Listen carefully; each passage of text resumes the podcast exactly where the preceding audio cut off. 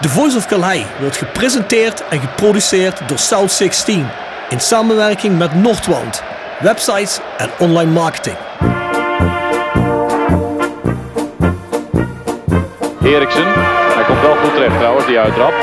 Eriksen, dit is zijn sterke punt. Van buiten naar binnen komen en dan schieten. Dat is een schitterende goal.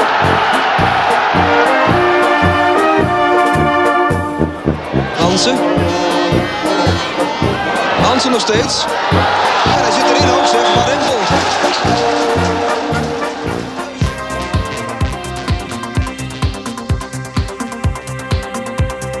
Van der Leur. Arnold. Over de lijn, het is 1-1 of niet? Het is 1-1. Graham Arnold toch weer. De Australische tank. Let op Hansma.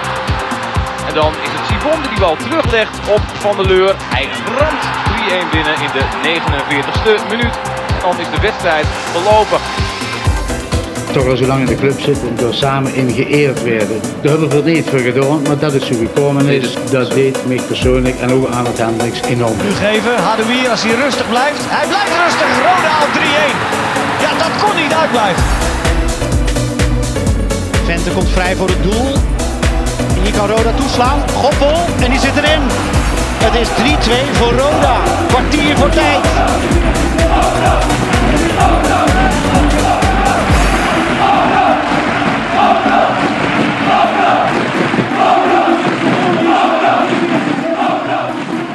Dit is Joris Peters en je luistert naar de Voice of Calais. Ja, daar zitten we weer. Ik zit tegenover Maurice Stelen. Maurice, hoe is hij? Ja, bij Maurice Steel is alles goed, hè? Ja, alles Ja, goed? zeker, Ja, zeker. mooi is dat, mooi is dat. Heb je een storm overleefd of niet? Ja, de storm overleefd en eh, blij dat het eh, afgelopen week was en niet eh, komende vrijdag. Want dan zit ik als het goed is in een vliegtuig. Hey, je vakantie, hè? Ah, lekker weekje vakantie. Ja? Jij en Jegers ook al. Jullie gaan niet samen op vakantie, hè? Nee, nee, nee. Jegers durven niet zo lang te vliegen. Is dat zo? Is dat echt zo? Nee, geen idee. Jegers gaat toch altijd naar Egypte, of niet? ja, die zal naar Egypte of zo gaan, ja. Die zitten wel eens in Hurghada op zijn eh all you can... eh, waar ga jij in? Of is dat niet eh, openlijk? Ik ga naar Zuid-Afrika op safari, Kroegenpark. Ah ja, Laura, vertel eens iets een half jaar geleden jullie teruggingen. Ja, Ja, ruig man. Ja, Echt, een, een weekje of tien dagen? ja een of, dikke week. Een van de plekken waar we, de, waar we vorig jaar geweest zijn. Maar nu blijven we op één plek voor een dikke week. Lekker man. Ben jij eens in Zuid-Afrika geweest? Ik ben nog niet in Zuid-Afrika geweest, nee. Nee, ik ook niet. Lijkt me wel ruig. Af, Ja, fantastisch land om te reizen. zeggen ze. Een heel mooi land. Klinkt goed mooi, ja. Ik zou ook wel willen. ik blijf gewoon lekker thuis. Ja, een aantal mededelingen. South16.com is onze website. De Glugaf kennen jullie ook. Kun je trouwens ook bij Bluffen Heerlijk krijgen. En inmiddels ook bij Pets Tosti Bar. Daar kun je ook andere merch van ons krijgen. Dus als je denkt van ik ga niet bestellen. Ik ga naar Heerlen en halen me daar. Dan kan dat Pets Tosti Bar en bij Café Bluff. Wij zijn RodaJC.nl is de, ja ik zou willen zeggen, de grootste fanwebsite voor Rode JC. Dan kun je de man of the match kiezen vanaf de 70ste minuut. Dat kun je ook wel doen tegen Excelsior uit. Ja, afgelopen weekend was een beetje moeilijk, hè? Alles afgelast. Helaas. Irritant, hè? Ja, ik snap het wel achteraf gezien, maar eh, ik had me toch wel erg verheugd op een, eh, op een wedstrijd. Ja, met een iets voller PLS tegen een redelijk mooie, eh, leuke tegenstander. Beetje en uitvak weer. Ja, dus eh, helaas. Ja, ik vond het ook jammer. Ja, ik stond in Essen voor het stoplicht. Voordat ik op de oude baan reed. Ik kijk nog even op mijn WhatsApp en dan zag ik al staan. Godverdomme, dat is afgelast. Ah. Ik had eigenlijk een meeting van tevoren in Heerlen. Nou, die heb ik toen ook maar afgezegd. Want toen dacht ik van, ja, goed, dan ga je ook niet op en neer rijden. Vrouw en kind waren blij. Dus eh, heb ik maar wat biertjes gehaald in Essen. en eh, toen zei de vrouw toen, ja, ik heb vriendinnen uitgenodigd. Moet je dan per se hier zijn? Toen heb dan ga ik weer naar de kroeg. Nee, toen heb ik de biertjes in de ijskast gezet met een vriendje. Zijn we dan naar de kroeg geweest. Ja, lekker, dus dat was man. ook heerlijk, ja man. Heerlijk, heerlijk. Mooie rustige avond dan, hè. Ja. Ja, helaas moest je daar nog wel even je COVID-pas laten zien, maar dat maakt niet uit, want laat ik die nou hebben. Dat is ook niet altijd zo geweest, maar heb ik wel. Ja, anders gaat Moe schelden natuurlijk, maar die heb ik. Mensen, het Roda Museum, dat is natuurlijk ook wel open. Je kunt bij Dave van Rijk weer terecht de Orlando Passage in Kerkrade. Nog iets in Kerkrade, en daar zullen Mo en ik aanwezig zijn de hele dag. Dat is namelijk op de reunie van het kampioensteam van 72-73. Die mannen promoveerden destijds naar de Eredivisie vanuit de Eerste Divisie. En daar zijn ze, of daar zijn ze, daar zijn we eigenlijk niet uit geweest tot die eerste degradatiereeks van jaren geleden. En eh, ja, dat elftal, in ieder geval de mensen die nog leven en die eh, nog... Mobiel zijn. Ja, die nog mobiel zijn. Ja, dat heb je netjes kunnen. uitgedrukt, Mo. Die treffen zich zaterdag 19 maart. Er wordt ook een film vertoond over dat hele, of een presentatie slash film wordt er vertoond door de voetbalbuun. Die hele middag wordt trouwens georganiseerd door de voetbalbuun van Jacques Huntjens in de Wiertschaft in Kerkrade. Dat begint om half drie. Dus om 14.30 uur. Fanproject helpt daar ook mee. En wij zullen er ook met de Voice of Calais aanwezig zijn om een sfeerimpressie te geven, wat mensen te interviewen. En wij gaan ook twee weken van tevoren podcast doen met een aantal van die oude jongens. En gaan we de opmaat doen naar die reunie toe. En die is trouwens voor iedereen. Hè, daar hoef je niet lid van iets voor te zijn. Maar je kunt er gewoon heen komen als fan. En ja, ik zou dat ook zeker doen. Het is misschien wel, met alle respect, de laatste kans dat je een van die mannen kunt leren Ja. kennen en hand kunt schudden. Ja, en lijkt me ook de kans voor Roda om zelf eh, vertegenwoordigd Ja. te zijn. En daar ook weer de link te leggen met oudspelers, zoals we dat hier al heel vaak eh, benoemd hebben. Ja, zeker. Want ja, heel eerlijk, en Mo, we hebben allebei het grootste respect voor het elftal eh, wat toen tweede geworden is in de Eredivisie. Dat was een fantastisch jaar, dat was een fantastisch elftal. Dat zijn fantastische spelers. Maar we hebben hier ook al gezeten met de jongens uit de jaren 80 daarvoor. Dat waren ook al fantastische elftallen. En dit, begin jaren 70 elftal, was ook een fantastisch elftal. Er zitten een hele hoop Roda cultfiguren bij uit de geschiedenis. Er zijn er ook een aantal al van dood helaas. Maar ja, dit is jullie kans om, eh, om erheen te gaan. En Roda moet dat zeker thuis geven, vind ik. Al is het bijna 50 jaar geleden. Ja, het gaat er gewoon om. Hè. We hebben eh, pas geleden eens even kort met, eh, met Joris Peters gesproken. En, er- moet gewoon actie ondernomen worden, gewoon dingen gedaan gaan worden nu. Om die gasten weer te gaan betrekken en het goede eerbetoon aan ze te geven. Precies. En het is eigenlijk helemaal niet zo moeilijk. hè, Want Nee. de jongens die willen best iets terug doen voor de club. eh, en voor de rest willen ze er gewoon ook graag bij horen, zoals wij allemaal. Yes. Hey, eh, je vindt ons op Spotify, iTunes, Soundcloud, overal waar je een goede podcast kunt vinden. Dus ik zou zeggen, ga erheen. Eh, ik zeg wel eens, abonneer je. Dat zou ik nog altijd doen. Dat kost op die dingen allemaal geen geld voor deze gewone podcast. We hebben ook een podcast op petje.af, schuine streep voor de Voice of Calais. Dat is allemaal extra content, nabesprekingen, voorbesprekingen, stemmen rond de wedstrijd hebben we daar. Van fans en van spelers. Die hebben we helaas afgelopen weekend niet gehad, want er viel niks te berichten, helaas. We konden zelfs geen rondje KKD doen, omdat bijna alles afgelast wordt. Dus ja, die houden jullie van ons te goed, die aflevering, op een later tijdstip eentje extra. Maar die kosten iets minder als de prijs van een kop koffie per aflevering. Je kunt er ook een jaarabonnement nemen, de zogenaamde seizoenskaart. Er zitten wat extra's bij, dat kun je doen. Maar daar kun je dus abonneren. En ik heb ook wel eens gezegd, op Spotify kun je ook een sterrenrating geven. Dus je kunt ons eh, beoordelen van 0 tot 5. En dan heb ik gisteren gekeken en er zijn 72 beoordelingen. Gemiddeld 5.0. Oeh, dat was heel Ja, goed. ja, ja, En dat was niet 72 keer Rob die... eh, Nee, ben je gek, je mag maar één keer per profiel. Ja, hè? dat is goed, dat is Maar mooi. ik wil niet zeggen dat ik niet geprobeerd heb, man. Maar, Ik- eh, Nou, ik heb het nog niet gedaan, dus eh daar komt een stem bij. eh. Kijk aan, kijk aan. Ja, zoals gezegd, ik ga erheen. Informeer je vrienden, iedereen die een beetje rode hart heeft, zeg dat ze eens luisteren. Er zit voor iedereen wel iets bij, voor oud, jong. En zoals gezegd, binnenkort ook voor heel, heel oud. Misschien dat niet iedereen zo technisch is, maar ja, zeg dan tegen je kleinkinderen gewoon, hé jongens en meisjes, kunnen jullie ons dan eens heel eventjes eh, tevoorschijn toveren? Duigen ze op vanaf sterren. Ja, dat. En überhaupt dat ze de podcast kunnen luisteren van opa, hè, of overgroot opa. Zelfs Errol kan het vinden, dat kunnen jullie doen. Ja, bedoel ik. Ja, Ja, daarom, daarom, daarom. Zo moeilijk is het niet. Nee. Vers gebrande pinda's. Wordt gepresenteerd door Hotelrestaurant de Veilerhof. Boek een overnachting of ga heerlijk eten in het mooie bergdorpje Veilen. Voor boekingen ga naar www.veilerhof.nl. En door Rapi Autodemontage aan de Locht 70. Voor al uw auto-onderdelen en het betere sloopwerk. Al 40 jaar een begrip in Kerkrade. Tevens gesteund door Fandom Merchandising. Jouw ontwerper en leverancier van eigen sjaals, wimpels en andere merchandising. Voor sportclubs, carnavalsverenigingen en bedrijven. Al jarenlang vaste partner van de Rode JC Fanshop. Check onze site voor de mogelijkheden. www.fandom.nl De oplossing van de prijsvraag, Mo. Dan hadden we het over de SLM-ramp. Ja. Wist jij de antwoord of niet? Ik wist het antwoord niet. Dat stond mij dus niet bij. Maar het antwoord was dus Steve van Dorpen, Ja. En die kwam van Volendam. Volendam. Ja. Ik heb er wel nog over gelezen, hè. Eh, omdat ik, ik kende de SLM-ramp natuurlijk wel, maar eh, ik, ik wilde even weten hoe dat zat. En ehm hij had inderdaad gelijk, Sigi Lens, die, eh, die zat in dat vliegtuig, die heeft het overleefd. Maar die Kijk. had een ontwrichte heup Ja. en heeft daardoor niet meer kunnen voetballen. Maar aan de andere kant, Stanley Menzo die was inderdaad van tevoren afgereisd. Een aantal spelers die mochten niet afreizen van hun club, die kregen daar geen toestemming voor. Ja, Ruud- mij willen zelfs jongens zoals Goed Gullit en Davids voetballen. nee, Davids nog niet. Die was nu, zat, Nee? zat er nog in luiers. Oh. Eh, maar Gullit en Rijkaard die waren wel bij die groep die dus niet van hun club mochten gaan. Kun je dat voorstellen dat dat gebeurd was? Tja, ja, dan, want dit was in, wat is het, eh 5, 86, 87? Ja, het was voor de Europees Eh, kampioenschap. dan waren wij in mij. 88, was het... eh, Nee, dan waren we geen Europees kampioen geworden. En geen drie van Milaan. Nee, ook dat nog. Ja. Heeft die Stanley Man zo geluk gehad dat hij zich een vliegtuig eerder heeft. ja, en die mocht ook niet gaan van zijn club, maar die, was gewoon, die is gewoon afgetaaid. eh.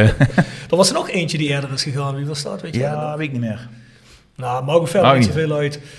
Maar in ieder geval, hè, dat was dus de oplossing met de prijsvragen. Wat we vroegen, hè, was niet alleen een random naam van de SLM-ramp. Het was eh, die ramp waar het kleurrijk elftal afstortte. Vlak voor het vliegveld of op het vliegveld. eh, hoe heet het ook alweer? Vliegveld. Oh, dat weet ik niet. Sanderijen? Sanderijen, Sanderijen, precies. ja. Ah, Ah, ja. Sanderijen, Paramaribo. En nu was de speler die naar Roda zou wisselen, die eigenlijk op punt zo'n contract te tekenen voor welke club kwam. Die Mo had het eh, antwoord uitstekend, Steve van Dorpel, die zou van SC Volendam komen. En Koen Eenmaal heeft die prijsvraag gewonnen. Daar Een ticket natuurlijk- met de SLM eh, was dat, hè? Wat zei jij? Een ticket met SLM. eh. Roundtrip Paramaribo heeft hij. eh. nou, ik heb wel een documentaire gezien over Boeing.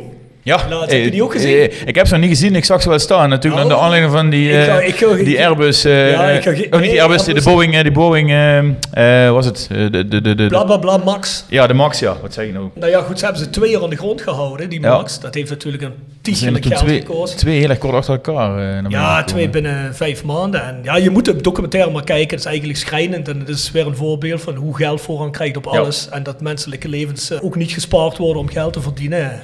Maar goed, daar heb je al een tip. Documentaire voor Boeing, ik ben even de naam kwijt. Maar die zit volgens mij ook op Netflix, dus kijk hem maar. Maar eh, ik zag hem staan bij Nieuw en ik klikte erop en ik was meteen hooked. Maar andere tips zo meteen. Hey, de volgende prijsvraag. En dan blijven we heel even in de sfeer van vandaag, hè, want komen we ook dadelijk op te spreken. Nou, wat is de hoogste straf die de KNVB kan opleggen aan een supporter qua verbod? En waarvoor wordt die straf opgelegd? Jij zult het toch wel weten, of niet, Errol? Je moet het niet zeggen nu, hè? Weet je dat of niet? Niet clubs, hè, maar de Nee, KNVB. de KNVB, ja. ja. Die, eh, om het heel duidelijk antwoord te geven, ga ik dat eerst redelijk opzoeken voordat ik een antwoord geef. Maar als je dat weet, laat ons de maximale straf weten. En voor waarvoor? een supporter. En waarom? Ik vond het trouwens vrij weinig. Tenminste, voor de reden waarom. Ja, dat valt me mee, ja. en krijg je Nou, ook... wij- wij- ik, denk niet dat wij moeten doen, maar in onze voetbalcarrière misschien van Nee, op de nee, tribune. nee, nee, maar, nee, eh, nee. Of tenminste, laten we een beetje... Ik ben niet meer zo op de hoogte van die straffen. Ik, Nee. ik was dat vroeger wel. ik, ik, ik, ik kende de scenario's in mijn hoofd, zeg maar. Oh, laten we eerlijk zijn. Dat heeft jou ook nooit weerhouden van het een of het ander. Nee, ja, op latere leeftijd wellicht wel. Ja, oké. In de Maar glorie daar hebben we het over, over de latere leeftijden. Precies, ja. Ja, dan ga je pas nadenken. Hè. Dus, Enigszins. Op een Zo. gegeven moment komt toch een kentering. ja, dat, dat hopen we. Mensen, ons mailadres is voiceofcalhei.south16.com en South16 is met XVI en Romeinse 16. Stuur daar suggesties in. Hey, ik heb suggesties gehad, of ik, we hebben suggesties gehad voor nieuwe rubriek. Want we gaan kogels terugkopen en eruit gooien voor het volgende seizoen. Er zijn een aantal eh, zaken binnengekomen. Bjorn mailde me er één door die zegt, ik heb hier iemand die zegt, laat iemand eh, de bal hoog houden en kijken hoe lang je de bal kunt hoog houden. Op zich leuk, maar ik zeg dan tegen Bjorn van ja, ik ga niet ook nog een bal meeslepen overal. Plus, dat is leuker als we ooit eens een keer iets met video gaan doen. Ja, dat klopt. En Ah. ik zie me hier binnen, we zitten bij Marco in de bananensoep. En ik zeg net tegen hem, mooi dat de horeca weer open is. De tafeltjes zijn gedekt met allemaal wijnglazen. Lijkt me dat geen succes. eh, ja, misschien kan Errol het wel goed, maar ik zou denk, waarschijnlijk meteen een wijnglas van tafel afschieten. Nou ja, misschien kunnen we een competitie doen. Hoeveel wijnglazen kun je vanavond met Marco afschieten? Ik weet niet of je nog vaak terug mogen komen. Ik denk dan dat het de laatste keer dat ze hier zitten. Wie weet, wie weet. Ja, je weet niet wat we er nou voor geld moeten betalen. Ja, hè? Misschien een nieuwe sponsor nodig. Sponsor zoeken. Ja. Tip van de week. Gepresenteerd door Jegers Advocaten. Ruist de Berenbroeklaan 12 in Heerlen. Hart voor weinig, nooit chagrijnig. www.jegersadvocaten.nl En Nextdoor Kapsalon, Nagel en Beauty Salon op de locht 44A8 te Kerkrade. En Roda Support. Supporter van werk. De uitzendorganisatie rondom Roda JC waarbij de koempelmentaliteit centraal staat. Roda Support brengt werkgevers en werknemers met een hart voor Roda samen. Ben je op zoek naar talent of leuk werk in de regio? Kijk dan snel op www.rodasupport.nl of kom langs op onze vestiging in het Parkstad Limburg Stadion voor een kop koffie en een gesprek met Boris, Peter, Frank of Ben. Ja, je zei het net al. We zeiden al. Ik ben een beetje in vakantiemodus al. Dan moet ik aan de tip van de week denken. Eigenlijk twee boeken. Die heb ik al gelezen. Want voor de rest ben ik met tips van de week, ben ik jullie tips van de week op het volgen om die eh, bij te kijken op Netflix. Maar er vielen mij twee boeken in die ik eh, een tijdje geleden gelezen heb. Ehm, die hebben alle twee met Zuid-Afrika te maken. het eerste is eh, More Than Just a Game. Football versus Apartheid. En dat is, een boek, um, dat is geschreven door iemand die op Robben Eiland gevangen heeft gezeten. ten tijde van de apartheid, de rassensegregatie in Zuid-Afrika. En je moet je voorstellen, die mannen die werden daar heel erg klein gehouden en slecht behandeld. Maar waren ook nou, als minder beschouwd dan, dan de blanken. En die hebben daar een voetbalcompetitie opgezet onder die 1400 gevangenen. Uh, met acht teams. Uh, heel erg professioneel voor de middelen die ze op dat moment hadden. Uh, en wat ze, zo, wat ze ervoor zorgden was dat ze en geestelijk actief bleven, maar ook een stukje verzet konden door de namen van de teams, door, door toch elke keer weer uh, het regime uit te dagen van spullen die ze nodig hadden en dit en dat. Om ze toch de hele tijd te blijven triggeren en bezighouden. En dat is een heel succesvolle competitie geworden, waar later ook nog een aantal echte teams van in Zuid-Afrika zijn ontstaan, of die namen zijn, uh, zijn gebleven. Oké, noemen ze AK-47. FC AK-47. Dat is natuurlijk... Ik heb daar ooit eens een keer een shirtje van proberen te krijgen, maar die club die was toen net opgedoekt toen ik daar woonde. Dus dat is mij niet meer gelukt. FC AK-47, ja, dat is een goeie. Maar een, eh, een heel mooi verhaal, eh, de moeite waard. En het andere boek heeft daar ook mee te maken. Dat heet Invictus, uh, van John Carling, misschien de film van gezien.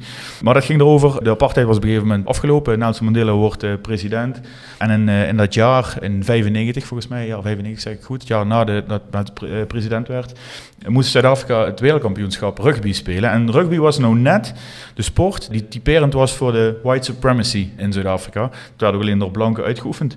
En, en Nelson Mandela die had toch het idee van ik moet het volk verenigen. En ik ga dat WK rugby in eigen land uh, promoten. Uh, ondanks dat het een witte sport was, dat was typisch Nelson Mandela die dan die verbinding daarin zocht. En Zuid-Afrika werd dat jaar ook uh, daadwerkelijk wereldkampioen. Dat was er niet gebeurd. Ze mochten ook jarenlang niet deelnemen aan internationale sporten door apartheid, door de boycott. En het werd uiteindelijk door het hele land gevierd, die rugby-overwinning. Dat was natuurlijk symbolisch voor ja, toch ook een stukje hereniging van het land. En er is natuurlijk nog steeds heel erg veel uh, verschil in, in Zuid-Afrika. Maar dat is wel heel belangrijk geweest in, in de geschiedenis. Dus eigenlijk zag je hoe, hoe een president of een uh, politicus sport gebruikte en niet misbruikte om het land daadwerkelijk te uh, verenigen. Nou, dat klinkt heel erg interessant. Je zegt er is ook een film van? Ja, Invictus is een film met volgens mij Matt Damon in de rol van Ruan Pienaar. Dat was de aanvoerder van het Zuid-Afrikaanse rugbyteam. En Morgan Freeman als president Nelson Mandela. Interessant. Goeie. Ik heb er ook een. De meeste mensen die eh, Netflix kijken, die hebben die eh, vast en zeker wel eens een keer reclame voor voorbij zien komen. Dus Don't Look Up. Heb je dat gezien? Nee. Genomineerd voor menig Oscar. Heeft ook een sterke cast met uh, Leonardo DiCaprio en uh, hoe heet die meid ook alweer van de Hunger Games. Ja, nou ja, zij, vraag mijn naam het is wel een Hollywood-film, maar er zit veel kritiek in. En daarom vond ik hem interessant, omdat hij uh, zo typerend is voor de tijd van vandaag de dag. Zwarte humor zit Oh, dat is zelfs een beetje, ik heb hem al gezien, ja zeker. is een beetje, het wordt allemaal een beetje overdreven, maar... Uh, het wordt allemaal uh, op de hak genomen, ja, maar ja, er zit heel veel sociale kritiek in. Wat betreft, de, meteor, de meteorieten, dat verhaal. Hè? Ja, dat, eigenlijk, dat er eigenlijk een meteoriet op de aarde afstormt en die binnen zes maanden de aarde vernietigt, maar niemand wil echt luisteren, omdat ze social media interessanter vinden. De verkiezingen eraan komen. De verkiezingen eraan komen. En weet ik van wat. En het lijkt een beetje een banale film maar ik vond hem wel heel erg goed. Omdat je wel met de neus op de feit wordt gedrukt hoe belachelijk alles eigenlijk ja, ik wil niet zeggen alles tegenwoordig, maar er zijn heel veel dingen die wel degelijk daar nog meer overdreven worden. Maar het maakt wel heel duidelijk hoe het vandaag de dag eraan toe gaat. Je, moet er met die bril naar kijken, want ze leggen het er heel dik op. Maar dat doen ze eigenlijk op een hele knappe manier, vind ik. Waardoor, ja, of we nu over COVID hebben of zo, de polarisatie, ook de manier waarop politiek daarmee omgaat. Op het ene moment is het helemaal niet belangrijk en bestaat het niet. En op het andere moment is het, is het je belangrijkste agendapunt. En dat soort dingen komen allemaal naar voren. En ook hoe het volk daarop uh, wordt. Uh, en, en ook inspelen. En, uh, ja. Nou, cool ja. Ik zie, ik ben heel slecht in namen van... Uh, ja, dat maakt niet uit, man. Vandaar dat ik pas een half uur later enige herkenning heb. Ik hoop dat je beter bent in de volgende naam. Want introduceer onze gast maar. Ja, en de gast die we hier hebben zitten noemde de voornaam al Errol. En de laatste keren dat ik met Errol sprak, toen interviewde ik niet Errol, maar interviewde Errol mij. en toen zat oma Gent er nog bij. Errol Ramse, onze hoofdveiligheid bij Roda. Welkom. Ja, dank je. Hey Errol, jij bent uh, de veiligheidscoördinator bij Roda. Mm, dat klopt, maar, naast Stef van der Laag. Ja, maar stel jezelf eens heel even voor, want ik bedoel, wij kennen jou natuurlijk uit het actieve fangebeuren en de uitwedstrijden, et cetera, et cetera. maar er zijn heel veel mensen die zeggen, Errol Ramsje, wie de fuck is nee, dat? Nee, dat klopt. Nou, ik ben Errol Ramsje, ben, word dit jaar 55 jaar. Ik werk vanaf 2007 bij Roda IC. Uh, daar ben ik begonnen als servicemedewerker, CQ Steward. En van daaruit, vanuit de stewarding, ben ik opgekomen elke keer een stapje hoger. Steward, sectorhoofd, hoofdsteward, uh, stewardcoördinator. En nadat Stef vandaag ging stoppen, had hij gevraagd, en ook Rodi had ze gevraagd, of ik zijn taak wil overnemen. Heb ik wel eerst over nagedacht, heb ik toen in de tijd ook in mijn interview aangegeven. Um, omdat ik ook nog een baan heb van 40 uur bij een, een, bij, bij een groot bouwbedrijf, Heijmans, uh, heb ik er wel over nagedacht. Dus je werkt ook nog 40 uur hiernaast? Ja, ja dat is mijn Ah, hoofdbaan. Ja. Ja, dat het geen 40 uur baan is, kan ik me goed voorstellen. Dat denk ik dat, dat Rode ook een vereniging voor is die iets klein is. Maar is dat Ja. bijvoorbeeld bij een vereniging zoals Feyenoord, is het dan wel een 40 uur? Daar zijn het wel, daar zijn het eh, absoluut 40-urige banen. En daar hebben ze ook meerdere mensen in deze functie, in veiligheid. Kijk, ik zit nou alleen in veiligheid, wel met mijn operationeel manager daarboven en de directie. Maar in grotere clubs heb je twee, drie man die in veiligheid zitten en ook echt 40 uur met veiligheid bezig zijn, onder andere. En hoe ziet dan de, ik zou bijna zeggen de dag, maar je kan beter zeggen de week van een... eh, De week van een veiligheid, kijk, het heeft allemaal te maken met wedstrijden voor thuiswedstrijden, uitwedstrijden, alle voorbereiding die met de wedstrijd te maken heeft. En wat ook met veiligheid, maar ook met de wedstrijdorganisatie. En dat loopt per wedstrijd praktisch elke keer op. Je hebt te maken met overleg met gemeente, politie voor een wedstrijd, een debriefing na een wedstrijd, eh, vergaderingen na een wedstrijd. Als er activiteiten zijn, als er eh, ja, iets vervelends op de tribunes gebeurt, eventueel, dan wordt dat allemaal besproken. Het is niet alleen de wedstrijddag zelf, maar ook de, de dagen ervoor en de dagen daarna. Ah, daar gaat toch best wel veel tijd in zitten, denk ik. Daar gaat, eh zien er ogen best veel tijd in zitten. Die, ik heb een, een, een contract van 20 uur bij eh, Roda. Maar dan ga ik zeggen, net ook al tegen Mo, daar ga ik ook daadwerkelijk wel overheen. Over die 20 uur. Dus je werkt eigenlijk in principe officieel 60 uur per week. Officieel wel, ja. ja. Buiten de rest nog wat daar nog eens bij komt. Maar ik doe ook heel veel, dat heb ik toen al gedaan, want ik had toen in de tijd een 0 uren contract, daar ben ik mee begonnen. Eh, daar heb ik toen ook al in de tijd heel veel uren ingestoken in, in Roda. Ik heb ook in het interview toen gezegd, het is meer een uit de hand gelopen hobby geworden. En dat, dat zie ik nog ook zo steeds. En ja, ik blijf het leuk vinden. En dat moet je me uitleggen. Hè? Ik ben sinds 2007 bij Beroda en ben je als steward daar begonnen. En je gaf ook aan richting mij net van, nou, ik, ik doe dit dus als fan. Ik, wil dat niet bij een andere club doen. Maar ik heb daar in die zin, en zeker nu ik wat ouder ben, toch ook wel respect voor. Want je staat op die tribune, ik sta daar te zuipen als lastig eh, Ja. eh, figuur. Om het dan zomaar eens even te zeggen, ik heb een grote bek, eh, mensen flikken van alles. En jij hebt de ondankbare taak om dat, in goed, om dat in goed, nee, maar om, even, ja, even metaforisch, maar om dat in goede banen te leiden. Ben je niet ook liever met je, met je vrouw, eh, die volgens mij ook eh stuurder is Ja, ja, Roda, klopt. lekker op de tribune zitten, biertje drinken en naar het voetballen kijken? Misschien wel, maar ik zie dat ook wel weer meer als, als een roeping. Kijk, ik eh, ben ook voetbalminded. Ik eh, heb ook een rode hart. Jullie staan toevallig aan de andere kant van de lijn. Ik sta aan de ene kant van de lijn. En ik zeg nogmaals, zo'n wedstrijd doen we gezamenlijk. Het is niet zo, ik sta daar en jullie aan de overkant. Zo'n wedstrijd beleven we samen. Veiligheid, stoerding, maar ook de supporters. Wij zijn allemaal voor één club, eh, of voor, voor één doel. En dat is Rode EC. En dat jullie als supporter zijn. En ik probeer de veiligheid voor deze, in ieder, spelers, staf, maar ook vooral supporters, te waarborgen. Ja, dat doe ik met alle liefde en plezier. En ik zie het ook niet als een ondankbare taak, absoluut niet. Maar ik krijg op zich wel ook wel heel veel positieve reacties. Ook wel negatieve, negatieve reacties, maar dat hoort bij de job. En dat hoort bij datgene wat ik net ook zei, voetbal is emotie. En met die emotie moet je ook om kunnen gaan. Ja, ik denk dat dat ook niet te verhinderen is dat je wel negatieve reacties Nee. krijgt. Hè? Dat gaat bijna niet. Nee. Hey, maar als je nou iemand moet uitleggen, wat zijn jouw basistaken op zo'n dag? Of in zo'n werkweek? Wat zijn dat dan? De basistaken zijn in eerste instantie dat eh, de wedstrijd goed voorbereid is. En ook, eh, dat bedoel ik ook de wedstrijd zelf, maar ook qua veiligheid. Dat alles om en rondom het stadion veilig is. Om de bezoekers te ontvangen. Ook voor als directie, spelers, staf, eh, supporters, bezoekers. dat alles gewoon goed afgeketst is, afgeregeld is. En alles wat, wat kan gebeuren, eh, zo minimaal mogelijk eh, gehouden wordt. Jij wordt ook geraadpleegd, eh, bijvoorbeeld als er nu overleg geweest is van gaan we die wedstrijd laten doorgaan met zo'n Ja, ja, ja. Weet je, ik heb zoals afgelopen weekend heb ik tijdens door de dag heel veel contact gehad, ook met, met clubs, onze eigen club, met Roda, de Graafschap in dit geval, maar als ook met de KNVB. Dan wordt er overal weer gebeld en gepraat of het wel of niet door kan gaan. En dat gaat natuurlijk over verschillende schijven. Iedereen heeft natuurlijk wel een mening over en iedereen moet daar natuurlijk ook iets van vinden. En het eigenlijke belang is het belang van de veiligheid van de mensen. En dat is ook hetgene waarom, dat gaven ze bij E ESPN aan, dat Roda de laatste club is die eruit is gegaan. Want we hadden in eerste instantie wel aangegeven dat we zoveel mogelijk wilden door laten gaan. Maar omdat het voor de rest ook niet meer ging, en ook qua veiligheid, is ook besloten om Roda de graafschap eruit te halen. En je zegt net, je doet veel in de organisatie rond zo'n wedstrijd. Is dat dan allemaal puur alleen veiligheidsdingen? Of is het gewoon ook in het algemeen? Nou, het is eh, ook in het algemeen. Ja, ja ook, ook een wedstrijdorganisatie, zoals een wedstrijd thuis. Eh, alles wat tijdens een wedstrijd in, het in en rondom gebeurt, dat hoort er ook bij. Dus voorbereidingen, ook afspraken met commercie, afspraken met E EHBO, eh, afspraken met, met catering. Dat hoort er ook allemaal bij om die hele wedstrijd goed te kunnen voorbereiden. En is dat dan een normale taak van een veiligheidscoördinator? Of doe je dat erbij omdat het erbij, gewoon ja. niet zoveel... Ja. Nou, het, is, het, het hoort ontwil bij veiligheid, maar het heeft ook met de wedstrijdorganisatie te maken. En dat zit allebei in mijn pakket, veiligheid en wedstrijdorganisatie. Ah, Oké. En je bent als stoer begonnen op Oost, geloof ik, hè, of niet? Ik ben in het hoofdgebouw begonnen als servicemedewerker stoer. En daar heb ik een hele tijd gezeten, tot op het moment dat ehm, bepaalde mensen eh, weggingen op Oost. En toen hebben ze gevraagd of ik sector op, eh, op Oost, CQ, het bezoekersvak wilde doen, inclusief de uitwedstrijden. Want dat deed eerst voorheen iemand anders en die is toen weggegaan. En toen hebben ze gevraagd of ik, of ik dat wil overnemen. Ook toen in de tijd heb ik er eerst over nagedacht of ik het wel ging doen. Omdat ik ook weet dat er heel veel tijd en energie in ging zitten. En omdat er heel veel andere dingen daarbij komen. En dan zegt ze altijd bij Roda, ja, wie gaat er nou op Oost zitten? Eh, Oost is de meest ongezellige tribune. Nou, toevallig zit mijn zus op Oost, die is wel op Oost, die wil ook nooit weg bij Oost. Alleen, ik kan me voorstellen dat het voor een stuur niet zo leuk is als je tegen Ajax of tegen Feyenoord vooral voetbalt. Dan zit dat dan bij Oost en als dat uitvak zit dan natuurlijk helemaal vol. Ja, en dat dan ben jij verantwoordelijk. Ja, en, dat klopt. En, dan? Nou, dat is ook iets om niet voor weg te lopen. Dat, ju- dat maakt het juist ook mooi. Kijk, de Westtribune, dat zijn onze eigen sporters, die kennen we. Weten hoe ze, kunnen- wat ze doen, wat ze kunnen, wat, hoe ze reageren. Maar Ajax, Feyenoord, PSV, die zitten op Oost, maar dat zijn hele andere mensen. Die kunnen ook heel anders reageren. En belangrijk is dan om ook deze mensen een beetje in goed in het gereel te krijgen.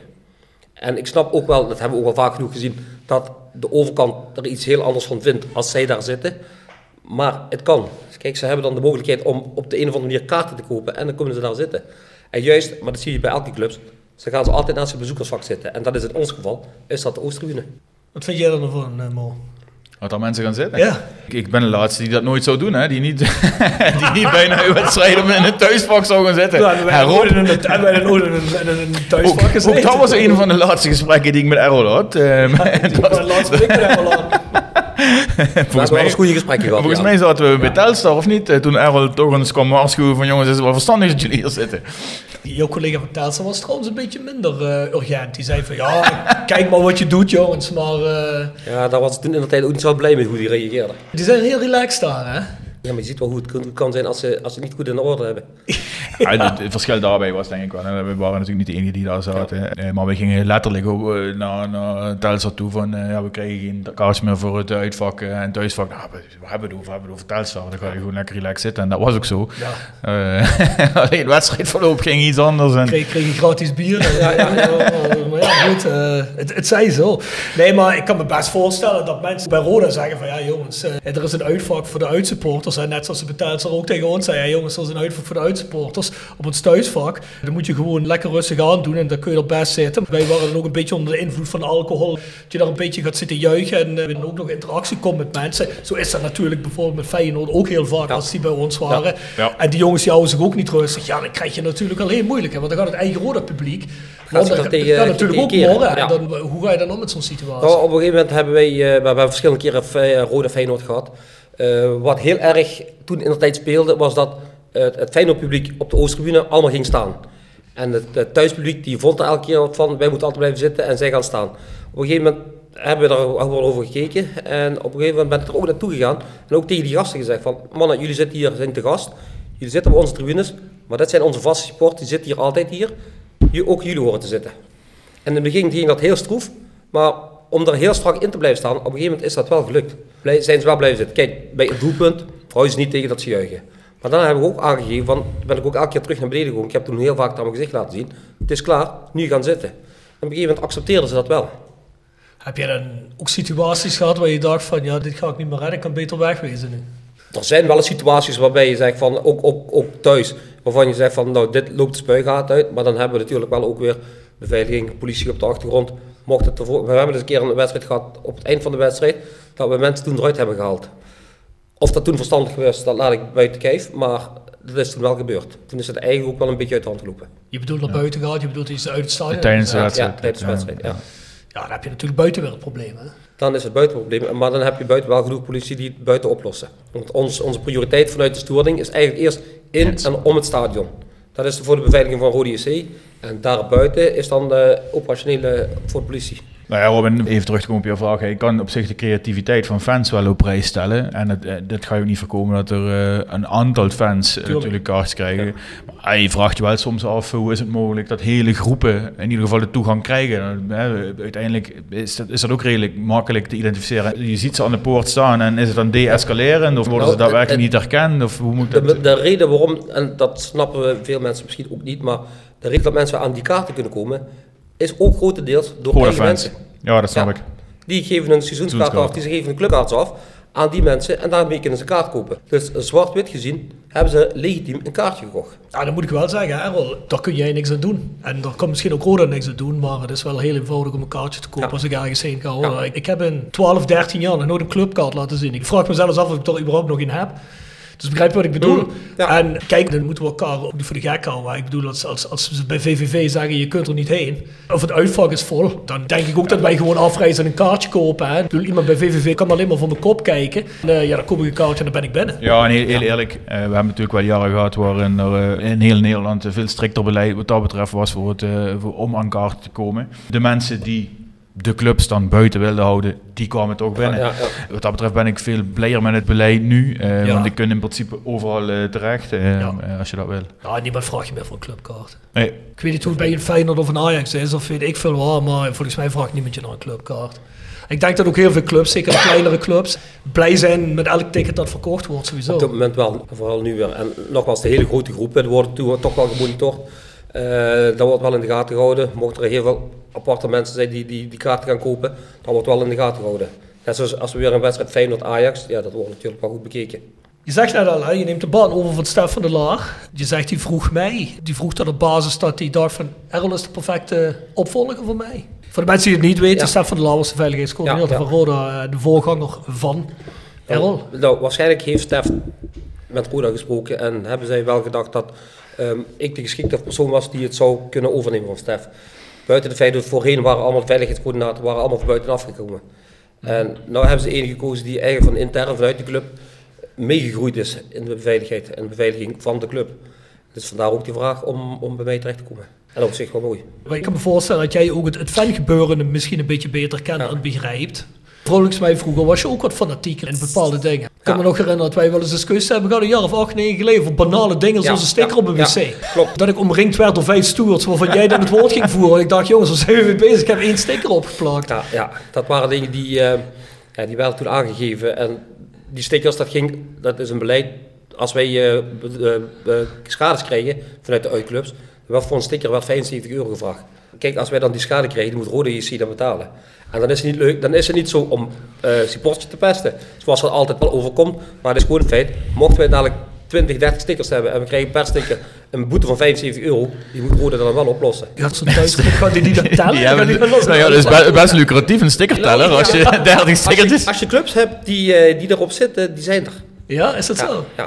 Maar volgens Ah, ja. mij ben je nu wel een stuk relaxer geworden, een hele hoop dingen. hè? Ja, maar wat heeft ook te maken met het feit dat we goed, goed met elkaar eh, op één lijn zitten. Soms. Je bedoelt jij en ik. Nee, maar, ik maar- maar- denk dat dat is denk ik wel een belangrijk punt. We hadden het net over. Ik heb die discussie ook wel eens met agenten gevoerd.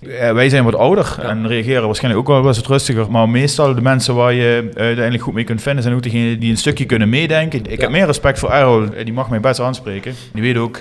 Zo, ik zeg nu Ja, dit ja. tegen Mo. Ja, en ik eh, bel hem eh, overmorgen op en ik geef hem mee op de kloten. hè. En dat een beetje aanvoelen. Eh, een beetje pragmatisch zijn. Want uiteindelijk moet je inderdaad met elkaar door. En dan ben je op dat moment, in het heet van de strijd, ben je het vaak niet met elkaar eens, denk ik. Maar dat kan. Maar dat, kan. Maar dat zeggen we ook altijd. Hè. Wat ik altijd heel belangrijk vind, ook in, in, in deze baan, in deze job, is het respect voor elkaar hebben.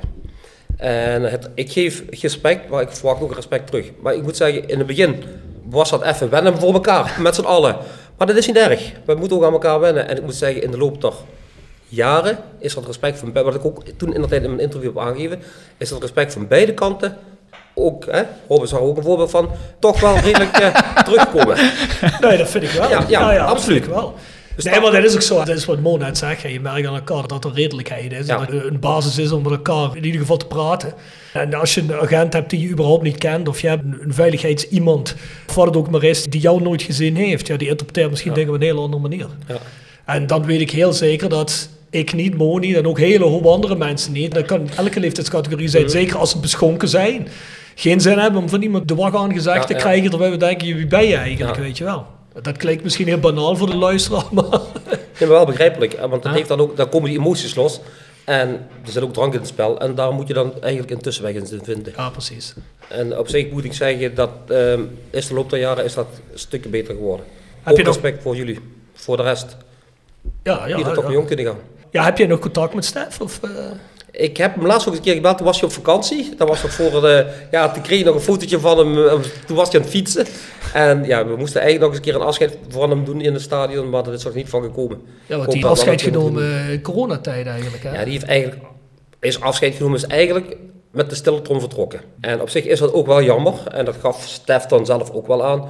Eh, dat heeft ook te maken, corona is gekomen, durfde zelf ook niet veel meer te komen. En dat is dan wel ook jammer naar mij toe, want de overdracht van was wat, wat minder. Heb je nog wel eens dat je Stef belt en zegt, hey Stef, eh, ik heb hier een situatie, hoe los zie jij dat nou op? Ben je helemaal los daarvan? Maar op dit moment ben ik er eigenlijk helemaal los van. Want ik zit nog nu erin, in deze, in deze, in deze job. En ik moet toch gaan doen. Als ik daadwerkelijk iets wil weten, kan ik nog wel eens bellen. Heeft hij ook gezegd. Maar ik ga het ook voor mezelf goed uitvinden. En met collega's, eh, WC's, even babbelen van hoe moeten we het op dit moment doen. Want de tijden zijn veranderd en de regels zijn ook hier en daar veranderd. Dat heb je niet meer meegemaakt. Ik moest denken aan, ehm, aan Frits de Jonge. Ken je die nog? Ja, Heb ja. Dit en John van Erp. Ja, Frits was fantastisch. En dan waren we al de twee jaar achter elkaar. Dan hadden we het veld bij de laatste wedstrijd bestormd vanaf de Noordtribune. En dan kwam, jongens, jongens, jongens. Het kost zoveel geld als jullie van tevoren het veld op gaan. Laat dat nou, laat dat nou. Mo, hier heb je de sleutel van een gele poort op Noord. Mo, alsjeblieft, alsjeblieft, kom nou niet het veld op voordat die scheidsrechter heeft afgesloten, jongen. Dan pas. Als jij dat regelt, krijg je van mij de sleutel. en dus die scheidt die fluit af en dan netjes ging de poort open. Ja, ja, ja. Maar uiteindelijk waren dat wel de dingen waardoor je in gesprek met elkaar Ja, ja. was. En eh, die supporters gingen je toch niet tegenhouden. Maar Nee, om die manier te doen, eh, werkt dit wel, hè? Nee, dat is ook zo. Ja, dat klinkt natuurlijk banaal, want de doorsnee supporter te zeggen, ja, what the fuck, waarom geeft die man überhaupt een sleutel aan zo iemand? Hè? Maar zo krijg je wel op een bepaalde, een bepaalde manier respect voor elkaar. Ja, dat klinkt misschien raar. Nogmaals, de doorsnee supporter zeggen, waarom moet er dan respect zijn onder elkaar? Maar... Het is wat Mo net zegt, zo ga je wel anders met elkaar om. Ja. En als zo'n man dan een keer aan jou vraagt, hey, kunnen we dit op een andere manier oplossen? Dan, dan is het wel die meteen tegendraad. Ja. Dan is het wel misschien ook een keer, oké, ik luister ook een keer naar jou. Ja. En dat is dan wat ik net aangaf. Daardoor creëer je respect voor elkaar. Daardoor ga je met elkaar in gesprek. En dan begrijp je ook elkaar ook veel beter als je zo met elkaar omgaat.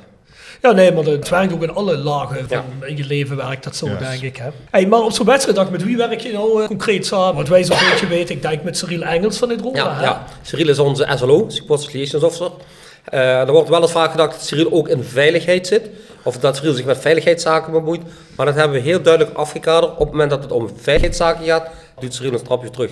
Ook voor hem in bescherming te nemen. Ja. Maar ook het supporter en veiligheid moet gewoon los van elkaar staan. Dat is ook goed. En dat Lijkt ook heel logisch, denk ik. Ja, en dat is ook heel logisch. Cyril doet eh mij wel heel veel ondersteunen nu met de wedstrijdorganisatie. Omdat ik alleen in deze functie zat, 20 uur in de week, nog 40 uur werk. Dus ik heb wat meer tijd nodig voor andere dingen. En Cyril ondersteunt mij daar nou in. Hij is heel goed met computer, dus hij doet altijd de, briefingen, de mailing daar naartoe. Dat pakt hij nou op. Daar ondersteunt hij me heel erg in. Tijdens de wedstrijd, daar heb ik eh, dan in eerste instantie eerst overleg met, ons- met zijn sectorhoofden. Sectorhoofden, we hebben vijf sectoren. Noord, Oost, Zuid, West en verkeer. Voor de wedstrijd heb ik een briefing met die sectoren. Daar vertel ik ook alles. eh, wat de afspraken zijn, wat kan gebeuren, hoeveel supporters er komen. wat eventueel mogelijk is, wat eventueel kan en wat eventueel zou kunnen gebeuren. Dat bespreken we met elkaar. En van daaruit gaan ze dan naar, de, naar een werkplekje. En van dat, op dat moment ga ik dan naar de commandokamer toe. Daar zit dan de gemeente zit daar, de politie zit daar. En onze, onze centralisten van de camera en, en de communicatie.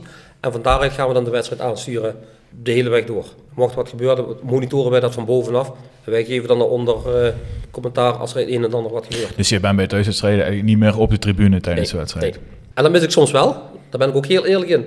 Want eh, de vorige keer gaven ze ook aan van nou, we pakken een ketting, we zetten er al vast. En die kwam tot aan de deur en dan niet meer tot buiten de deur. Want in het begin had ik wel zoiets van, was ik in de kwantkamer, was ik weg, stond ik ook buiten. Maar mijn taak is nu echt wel daadwerkelijk gewoon binnen te moeten blijven. Maar mocht er wat zijn, dan ben ik altijd wel genegen om naar buiten te komen om, om, om mensen aan te spreken of in gesprek te gaan met mensen. Dus jij bent eigenlijk de spil waar het om zo'n beetje om draait op zo'n, eh, op zo'n of in ieder geval iedereen Ja, bij jou als centraal punt terug. Ja, ja zwart-wit gezien wel. Tijdens de wedstrijddag is dat wel een, een van de belangrijkste punten. Ja. Hoeveel mensen heeft Roda in het stewardapparaat? Eh, hoeveel mensen zijn er actief op een wedstrijddag? Nou, om gemiddeld een, een kleine 75 tot 100 man. Dat is een aardig Oh, aantal. dat is veel. Ja, maar dat zijn ook eh, vergunningen vanuit de gemeente.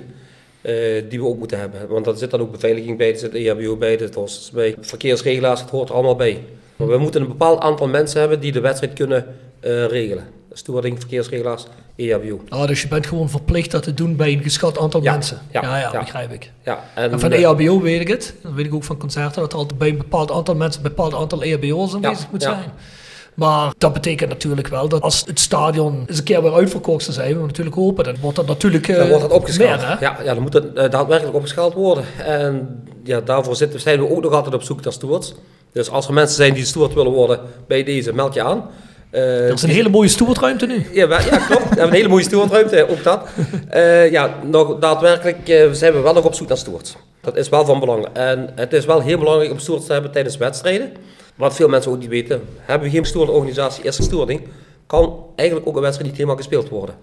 Zover zijn we gelukkig nog niet, omdat we nog altijd goed kunnen opvangen met stewarding, beveiliging, in-uur stewards. Maar we hebben er Ja, nog, het aantal hebben we nog. En je noemt nu in stewards. Ik nogmaals, ik zou niet aan het springen om steward te worden, maar goed dat je de oproep doet. Eh, want we hebben een aantal jaren geleden hadden we inderdaad beveiligingsbedrijven die Ja. op West kwamen staan. En dat was alles behalve een succes met die ik, heb dat, ik heb het in de tijd meege- meegekregen. Ik, ik weet ook waar jullie op doelen. Eh, er was ook een beveiligingsbedrijf niet hier uit de buurt. Maar dat was ook zo. Maar het- dat, ook dat heeft te En die maken... begrepen er geen fuck van. Nee, maar dat, ook dat had te maken met de manier van aanspreken van mensen. Ja, precies. Zeker. En nogmaals, veiligers zijn daar en die doen ook hun werk. Daar sta ik ook wel achter. Als ze hun werk moeten doen, zij krijgen ook een opdracht om hun werk te doen. Maar het is een wisselwerking. Maar als club werkt dat, dat toch niet? Eh, ik bedoel, Nee. ik, ik snap dat die gasten, ja, die kun je in die zin niet eens kwalijk nemen. Maar die, of je die nu zegt, je gaat hier bij een parkeergarage, een discotheek of een rode stadion staan. Maar ik moet ook heel eerlijk zeggen, het is Maar- niet in de tijd helemaal de fout van het beveiligingsbedrijf geweest. Die hebben ook een opdracht gekregen.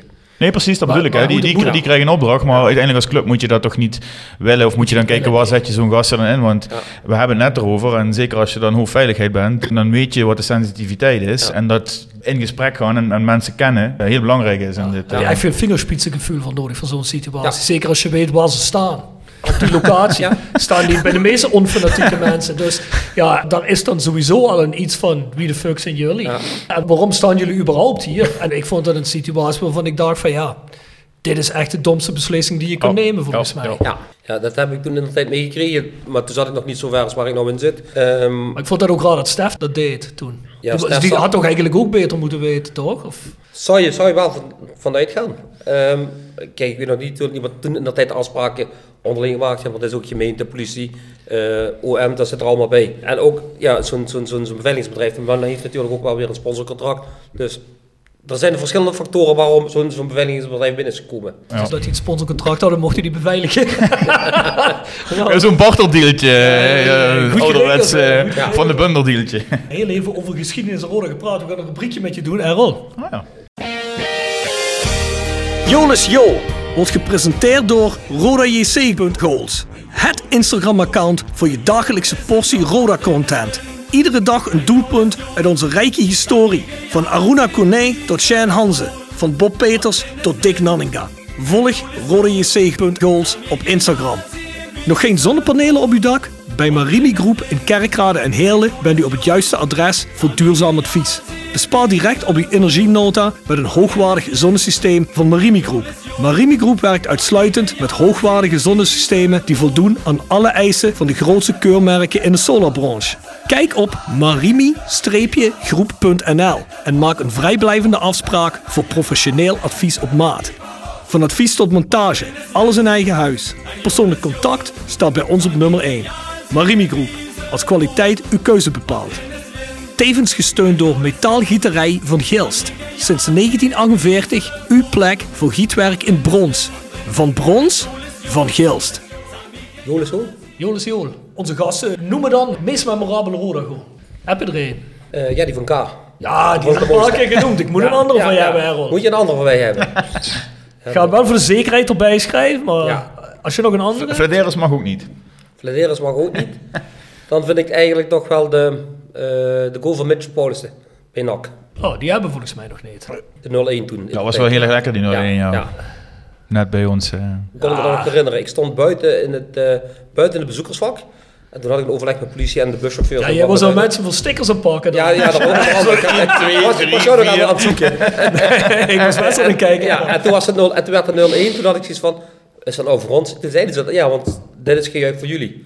Dus ja, toen had ik dat, vond ik dat wel heel erg mooi. Dus die 0-1 die van Paulus, die bleef gewoon nog wel altijd bij. Ja, goed. Die noteren we, dat is een goeie. Hey, maar gepraat over extra beveiliging in het stadion, et cetera, et cetera. We hebben natuurlijk iets eh, wat de hele wereld rond is gegaan, waar ook discussies over beveiliging en dergelijke zijn geweest. Je weet wel waar ik naartoe wil, hè? Met een Tel Aviv. Ja, met De La Vega die eh, door fans het stadion wordt uitgezet. Dat is natuurlijk veel om te doen geweest. Omdat de mensen die niet zo in die materie zitten en die niet de situatie begrijpen van een fanatieke fan die zijn club naar de kloten ziet gaan. Waar niemand iets aan doet, die zeggen allemaal, ja dit kan niet. Er werd ook gezegd, waar is eigenlijk de beveiliging? Waarom doet niemand iets? Waarom doet de politie niet echt iets? Waarom doet niemand iets? Hoe heb jij dat beleefd? Heel eerlijk, die dag was ik niet in dienst.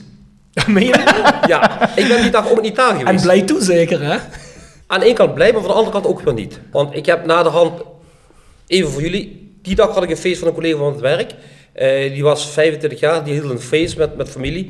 En dat was nog zelfs in Zeeland. En daar heb ik een etentje gehad, dus daar was ik. En mijn vrouw zat op een gegeven moment, eh, waar ze, waar ze zaten aan tafel, we kreeg ze een ping, ik ging eens kijken en toen vertelde ze dat, dat dit gebeurde. Maar tot dat moment, en daar ben ik heel eerlijk in, wist ik niet dat het überhaupt ging gebeuren. Ja, maar iedereen zei van, ja, dat moeten ze bij Roda geweten hebben. Nou, laat ik het zo zeggen.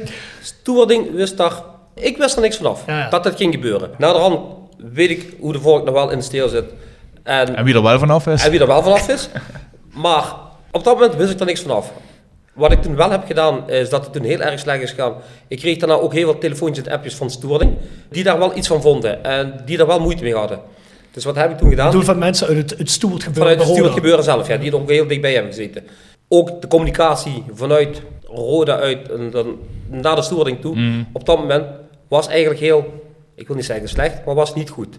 Waarom? Er gebeurde wat. Mensen die hebben het nooit meegemaakt. Er was van alles omheen gebeurd. En die vonden er iets van. Maar die hadden eigenlijk wel een vraagbaak op dat moment nodig. En die was er niet.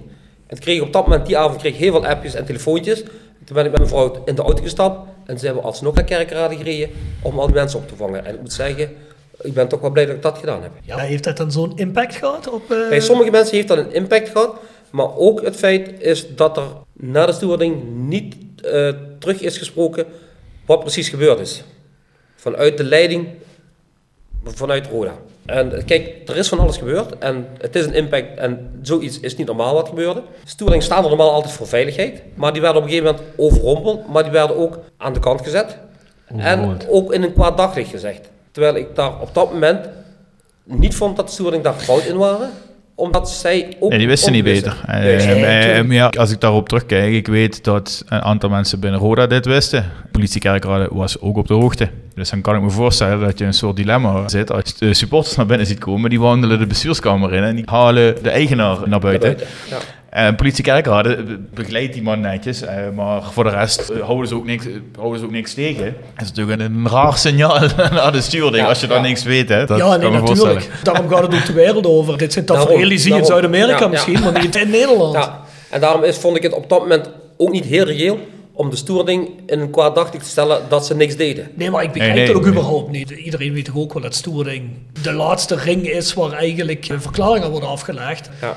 En ik bedoel, hoeveel stewards zijn er nou in zo'n gebouw op dat moment om dat tegen te houden? En, en, feit is natuurlijk ook, je moet het ook eh, vanuit degene die dit georganiseerd hebben, moet je dit ook klein houden, want dit kun je niet te groot maken van tevoren. Nee, nee. eh, want- en dan verliest de- het effect. Er zijn ook heel veel mensen die kunnen gewoon niet vanuit hun positie zeggen, ja, dit wisten we en dat hebben we ondersteund. Dat is ook simpel. Nee, dat hoef ik verder helemaal niet. Ik bedoel, die hele zaak is voorbij, maar kon jij dat op zo'n moment begrijpen dat fans zoiets wilden doen? Absoluut. Daar ben ik heel, heel eerlijk in. Ik begrijp het wel. Om, het, om te zeggen dat het goed is, dat staat eventjes buiten kijf. Want mensen zijn toch in een trots gekrenkt. En je komt aan je club, je komt aan je liefde door een buitenstaander. En daar vind je op een gegeven moment iets van. Ik snap het wel dat mensen zo hebben gedacht. Of het 100% goed is, dat staat natuurlijk even los daarvan. Nou ja, dat is één. En twee, daar waren een aantal mensen binnen Roda helemaal niet ontevreden over. Ja. Eh, die waren blij dat het ging gebeuren, omdat er iets geforceerd moest worden. De manier waarop kun je het natuurlijk over hebben. Maar Maar waar ik op dat moment het meeste mee inzet was met onze eigen stewarding. Daar ben ik ook heel eerlijk in. Nog niet eens met de supporters, nog niet eens met De La Vega. Onze eigen stewarding die op dat moment eigenlijk in een kwaadakkelijk werden gezet. Doordat ze eigenlijk Ja, ja. in het ongewisse werden geduwd. Ja, want er zijn er een aantal, die heb ik dan ook nooit meer gezien. Ja, klopt. Ja, hoe verder geen naam te noemen, maar het vond ik wel frappant, omdat ik eigenlijk zoiets had van... Ja, ik weet het, dat klinkt misschien heel raar. En nogmaals, de doorsnee-fans zullen zeggen, wat is dat voor oelewapen? Maar ik was er ook niet die dag, want ik had een show. Ik zat ergens volgens mij in, in Bulgarije, we zaten in het Oostblok. Ik kreeg allemaal filmpjes gestuurd. En ik was er trots op. Ik was ook trots dat Stoers niet ingreep. Ik denk van, ja, iedereen zit op dezelfde bladzijde hier. En daar was ik eigenlijk best trots op. Ja. En toen ik na de hand ook hoorde dat Stuart samen mee zaten, en toen dacht ik van ja, dat kan ik van de kant begrijpen. Maar ik had zoiets, jongens, je hoeft er niet op in te zitten. Want voor mij ben je eerder een held dan iemand die gefaald heeft. Nou ja, en dan weet je ook dat de buitenwacht natuurlijk eh, zo'n dingen gaan roepen Ja, en ja. schrijven. En intern is dat helemaal geen issue. eh. Nee. Nee. En dat, dat- ja. En dan merk je ook wel dat dit een issue is. Want er is één stadionverbod geweest. Nee. Voor zover ik weet niet. Nee, dat bedoel ik. Dus dan weet je dat het Vega. issue is. Ja, ja, ja. ja, kijk, en dan kun je iets van vinden, kun je iets niet van vinden. Maar ik vond dat toen... Maar ja, goed, daarvan moet je misschien ook dicht aan de materie zitten. Maar die club was gewoon echt helemaal kapot aan het gaan. En als dat niet gebeurd was, dan hadden we misschien hier Ja. nu niet gezeten en over rode gepraat. Misschien was dat het druppeltje wat dat nodig had. Ja, absoluut. Ja. Hey, maar over extreme situaties gepraat. MVV Roda, daar was je natuurlijk ook een paar laatste keren bij, hè, Errol? Daar was ik wel bij, ja. ja. Hoe zit dat nou als jij MVV Roda op de agenda ziet staan of Roda MVV? eh, hou je dan maandenlang je hart vast als uh, stoer of eh, Nou, veiligheidscoördinator? nou, nee, ik hou niet mijn hart vast, want nogmaals, het ging niet heel gauw en ik loop er ook niet heel gauw voor weg. Maar ik weet natuurlijk wel wat er kan gaan gebeuren. En wat er gebeurd is, wist ik dat ging gebeuren. Even voor het feit dat er met, dat wat ik net ook zei. Heb je het nu voor de laatste? Ja, ja. Onder andere, ja, Ja. ja. Ja, En Dat is eigenlijk een kopie van de wedstrijd daarvoor. En dat had, dat, ja, ja. En dat hadden we eigenlijk met z'n allen kunnen bedenken. Wat ik net ook zei, wedstrijdvoorbereiding, Roda, MVV, politie, gemeente. Daar zijn afspraken in gemaakt. En als die afspraken allemaal nagekomen worden, dan hoeft het niet zo te escaleren als dat. dat Kortom, er komt niemand in het buffervak beneden. Dat soort dingen eh, allemaal. dat Ja, soort ja, dingen. ja, ja. ja. En dat bedoelt dat ze in Maastricht de afspraken niet goed zijn Ja, precies. volgens mij. Ja, je kon je dat op mag je best zeggen, Ja, want dat weet ja, iedereen. Dat weet dus, iedereen, eh, ja. Kijk, en nogmaals, ik hoef nou geen zwart te spelen, want dat doe ik nou ook niet. Maar iedereen weet hoe de volgende steel zit. Zelfs tot op dit moment is het nog een, een pijnpunt voor ons. Waar ik toen in de tijd wel boos over was. Ehm, nogmaals, de wat ik ook zeg, emotie is er. Maar er zijn grenzen overschreden. Eh, wat heel vervelend is, is dat Roda ook weer een boete heeft gekregen. Vooral vanuit de KNVB. Maar wat nog erger is, is dat we ook een schadepost hebben gekregen. Van een x-bedrag. En dat is best een hoog bedrag. En daarvan zeg ik van, supporters, denk even na. Als jullie zoiets doen. Kijk, emotie is goed. Boos zijn is goed. eh, rivaliteit is goed. Maar er zijn grenzen. Waarom moeten jullie dus per se die dingen slopen wat gesloopt zijn? Waardoor onze club, Rode EC, weer een boete krijgt. Waar ook weer een schadepost krijgt die wel door de club opgehoest moet worden. Ik heb de vorige keer ook een keer tegen, tegen gasten gezegd van... Als jullie nou ballen hebben, gaan jullie allemaal geld bij elkaar leggen en geef Roda dat geld. Dan hebben jullie ballen. Doe dat dan ook. Kijk, dan een grote jongen, ben dan ook een grote jongen en draai voor de schade op. Maar dan niet zeggen van, ja, we hebben niks gedaan en ja, daarvoor wegrennen. Kijk, daar ben ik dan wel heel strak in van, dan wees ook een grote jongen en ga met de pet rond. En zorg dat Roda geld krijgt, dat ze de, de schades kunnen betalen. Maar dat gebeurt er niet. Je zegt net, er zijn veel dingen gebeurd rond zo'n wedstrijd waar wij van tevoren overleg zitten, die dan niet worden nagekomen. Voel je dan compleet genegeerd als je ziet dat zoiets gebeurt? Of heb je dan zoiets, ik heb er eigenlijk voor Jan Lul gezeten? Of heb je eerder het gevoel dat een club zoals MVV en de, en de stad Maastricht hier ook niks aan kan doen? Dat dat gewoon gebeurt op zo'n moment en dat dat het hek voor de dam is en dat het eigenlijk zijn eigen leven gaat leiden. Een dynamiek krijgt waar niemand meer iets mee Nou, kan laat doen. ik het zo zeggen. Er zijn afspraken gemaakt om dingen van tevoren te regelen. En ook te investeren. Dat hebben we bij Rode ook gedaan. En we weten ook allemaal, Rode heeft ook geen knap geld, een zak geld, waar ze alles willen kunnen betalen. Maar Roda heeft wel gezegd, wat voor de veiligheid moet gebeuren, doen we ook. En daar ben ik ook blij mee. Daardoor kan ik sommige dingen wel nu doen. Ook al weet Roda dat het geld kost, maar veiligheid gaat ten koste van. En dan wordt het ook gedaan. Maar bij MVV hebben ze dat dan helaas niet gedaan. En ik snap wel wat je zegt, hè, eh, met die schade en het slopen en zo. Eh, en dat is geen excuus, maar dat komt natuurlijk op een, kookpunt waar het gaat overkoken. En dan gaan alle remmen los. Een en die situatie, en dat is het schandalige aan dit hele verhaal. Natuurlijk gebeuren er ook aan onze kant dingen die, die, die niet kunnen. Eh, en waar niemand iets aan heeft. Hè. Zeker als je dan kijkt naar de schadepost eh, voor onze eigen club. Maar dat hadden we met z'n allen op twee vingers kunnen uittellen van tevoren. Dat En ging nogmaals, Ja. het is niet het excuus, maar het is wel de hele logische verklaring daarvoor. Je hebt te maken met voetbalsupporters in een bepaalde emotie en eh, verschillende categorieën fans die er ook voor de club heel erg veel zijn en heel erg veel doen.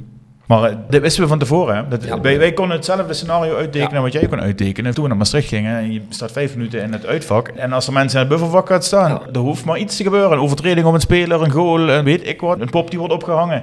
Eh, Wat, wat hebben we nu allemaal meegemaakt? Maar iets te Ja. gebeuren. Heel spontaan. Alles maar op. Nee, maar whatever. Eh, Ja. En het is niet de eerste keer daar natuurlijk. Niet met ons en niet met andere clubs. Volgens mij is er nog steeds niks veranderd. Dus als weet ik wie eh, naar, naar Maastricht gaat, kan weer hetzelfde gebeuren. En dan kunnen ze wel klagen dat het stadion gesloopt wordt, dat de wc-poot het veld opvliegen, bij wijze van spreken. Deurtje. Deurtje deze keer. Het rode deur, deur. ja. Dezelfde deur. Ja, goed. Natuurlijk hopen dat we promoveren, maar anders. MVV Roda volgend seizoen is zonder uitsupporters. Begrijp je het goed? Ja, ja. En het seizoen daarna mag het wel weer. Dat wordt per, dat wordt per seizoen bekeken dan. Hè. Oké. Het zal moeilijker worden. Ja, kijk naar, Feyenoord, dat Ajax? Ajax Feyenoord. Ja, ja, goed, maar kun jij begrijpen dat je eigenlijk ook als fanatieke fan daarheen reist? En dan weet ik dat er ook weer mensen zeggen, volle herhaling, dat er andere mensen zijn die zeggen van, Rob, kun je zoiets zeggen? Maar begrijp je dat er wel mensen zijn zoals wij, die eigenlijk wel hopen dat er wel een vurige sfeer is? Dan hoeft niet het halve stadion te worden afgebroken, helemaal niet. Maar ik zou er ook niet willen zitten en dat er niks over weer geschreven Nee, wordt. Begrijp je wat ik een- bedoel? een, een derby hoort, dat hebben we ook altijd gezegd, een derby hoort met uit- en thuispubliek. Absoluut. En die, die, die sfeer moet er ook zijn. En het verbaal naar elkaar jennen, super, dat moet kunnen. Maar er zijn grenzen met elkaar jennen. Trek jij de streep? Nou, de streep waar getrokken wordt is als er eh, eh, ver- eh, vernielingen gaan plaatsvinden, vechtpartijen gaan plaatsvinden, eh, geweld gaat plaatsvinden. Dat is de streep. Kijk, als je elkaar, elkaar jent en, en, en, en roept, en dat is ook wel scheld, tot daar aan toe. En dat is vanaf de tribune. Maar daar doe je niemand pijn mee, daar mishandel je niemand mee. En daar, daar verniel je ook niks mee. Met verbaal geweld. In de Premier League bijvoorbeeld in Engeland, hè, dan word je er al door een eh, stoer of 4, 5 uitgepikt als je wat te veel schreef naar het veld. En dan word je verwijderd. Eh, hoe kijk je tegen zoiets aan? Want daar wordt de streep dus duidelijk een stuk eerder getrokken. Ja, daar wordt de streep eerder getrokken, maar dan zijn de straffen ook hoger. Kijk, als wij misschien... Ja goed, dat is des te bizar Ja, natuurlijk. ja, Als ja. ik zeg, je bent een lul en ik schreef dat vijf Ja, keer, ja. word ik in het stadion gezet en krijg je een boete. dan denk ja. ik van, hallo, ik heb geschreven dat je een lul bent vijf keer. Ja, op een, op een gegeven moment is het natuurlijk ook... Het heeft ook te maken met, met de mensen zelf. Hè. Je moet op een gegeven moment ook het besef krijgen van... Wij gaan te ver. Nee, maar vind je dat goed? Ik bedoel, vind je dan al dat dat te ver gaat? Want ik vind emotie hoort bij een voetbalwedstrijd. Ja.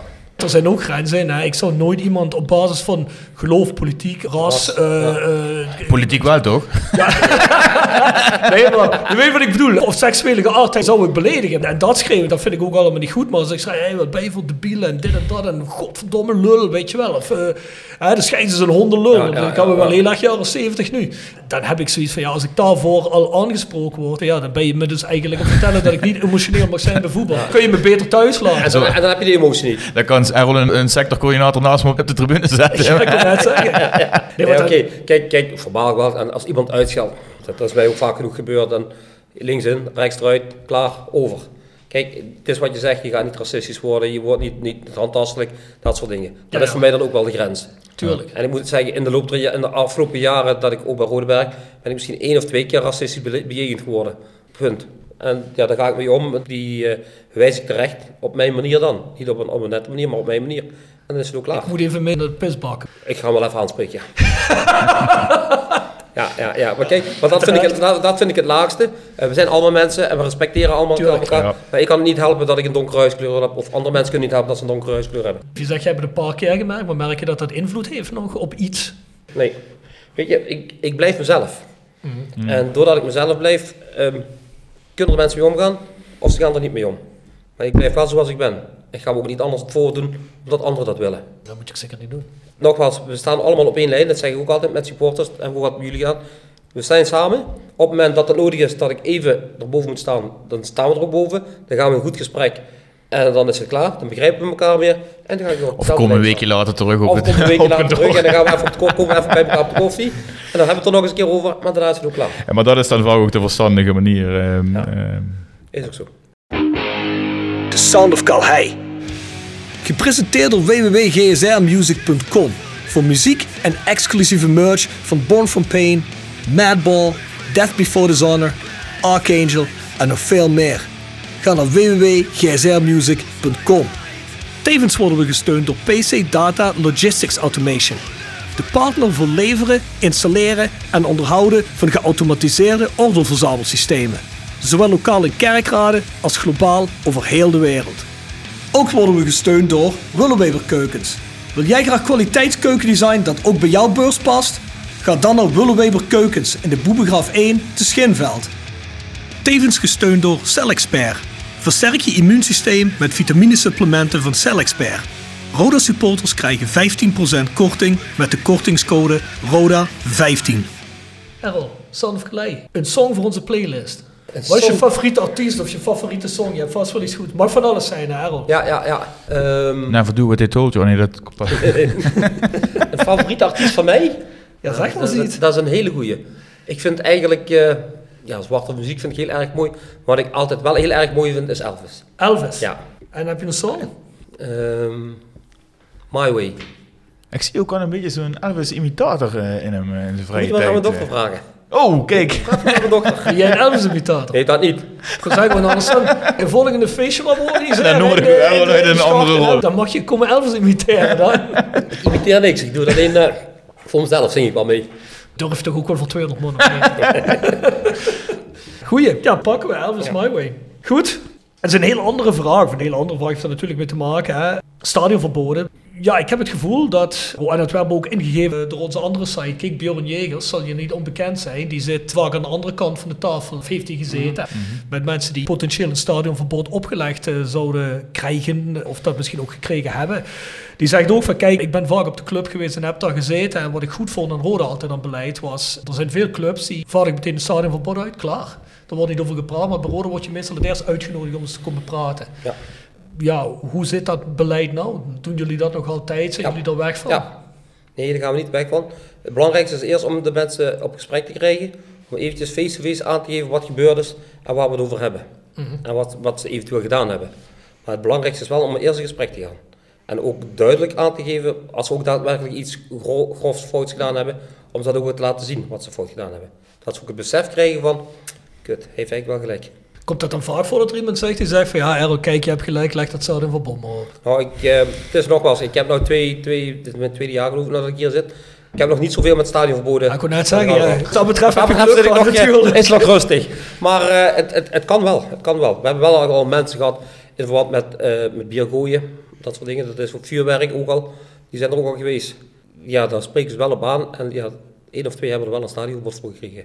Misschien voor de verduidelijking, hè? de club kan een stadionverbod opleggen en de KNVB kan een stadionverbod Ja. opleggen. Hè? Kun je misschien dat verschil heel even uitleggen? Nou, je hebt ook eh, te maken met first offenders eventueel.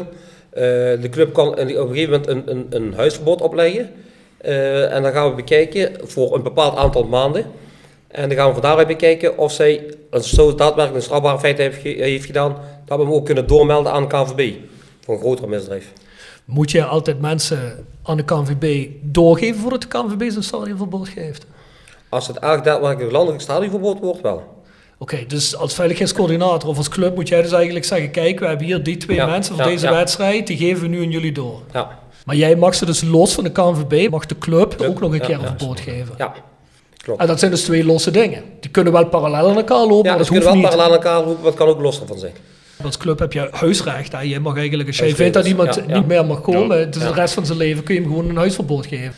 Dus ja, dat is natuurlijk ook moeilijk aan te vechten, denk ik. Hè. Nee, daarom, en daarom willen we ook wel iedereen heel duidelijk aangeven. En vooral nu, kijk nogmaals, ik heb nog niet zoveel ervaring gehad met stadionverboden uit te delen. Gelukkig. Ik hoop ook niet dat het heel erg gebeurt. Nee, dat moet je ook zijn- niet doen. daar Zijn de, ja, oké, maar daar zijn de mensen zelf bij, hè? Zijn Ja, de, de- goed, die- goed, ja, zij bepalen of, er, of ze een stadionverbod krijgen of niet. Maar als het zo is, dan willen ze wel even duid- daadwerkelijk duidelijk aangeven waarom ze het krijgen. Dat Ook- lijkt me ook redelijk. Ja. Want je hebt ook veel clubs die doen dat helemaal niet. Hè. Dan krijg je stadionverbod en dan krijg je nooit uitgelegd waarom je dat krijgt. Ja, ja, jij zegt net van ze moeten op gesprek komen zodat wij ze kunnen vertellen wat ze gedaan hebben. Maar die idee erachter is toch hoop ik ook een stuk hoor en wederhoor in Ja, die discussie. ja, Want dat is ja. ook wel de ervaring die ik daarin... Ja. eh, Ja, dat is ook zo. Want zij kunnen zichzelf zichzelf verdedigen, hè? Ze mogen Ja. zichzelf ook verdedigen. Hebben jullie dan ook wel eens een moment dat jullie zeggen, nee oké, ja dat hebben wij misschien helemaal fout gezien, klopt, dat is het dan. Dat zal misschien een verleden zijn geweest. Op dit moment kan ik daar niet over, over, over meepraten dat ik zeg van ja, we hebben nou iets fout gedaan of we hebben verkeerd gezien. Nou, je hebt zo'n situatie nu niet, bedoel je? Nee. Nee, maar wel ook van, eh, nou, dit is voorgevallen en wat vind je daar nou zelf van? En dit is de laatste keer of een waarschuwing, dat, dat soort situaties. Wat ik ook, ook, ook wel heel erg mooi vond, is, eh, maar dat heeft dus ook weer, dat komt dan terug op, op respect, respect naar elkaar toe. Er heeft mij vorige week iemand gebeld, die had wat gedaan, maar die heeft mij dat eerlijk verteld. Ik ga hem gewoon namen noemen of wat dan ook, maar dat vond ik wel heel erg mooi. En daar ben ik mee in gesprek geweest en dan heb ik gezegd van, nou, super dat je me dat zelf bent komen vertellen, wat hij gedaan heeft. En jij dacht, waar gaat dit over? Je wist het helemaal niet. Wat Ik het wist, ik wist wel van, maar ik heb zoiets van... Het lijkt me bizar als iemand je belt en zegt, ik heb iets gedaan. En je zegt, oh, Ja, wist ik niet. nee, nee, nee, daarom. Maar ik wist wel van. Maar ik heb wel gezegd van, respect dat je er überhaupt over begint. Dat je er zelf over begint. Oké. Anders waren we wel op de lijn teruggekomen, maar jawel. Pluspunt. Hey, over stadionverboden, wat trek je daar de lijn om iemand een stadionverbod te geven? Ik begrijp wel dat er geen vaste richtlijn is voor iets misschien, en dat elke situatie op zich een situatie is.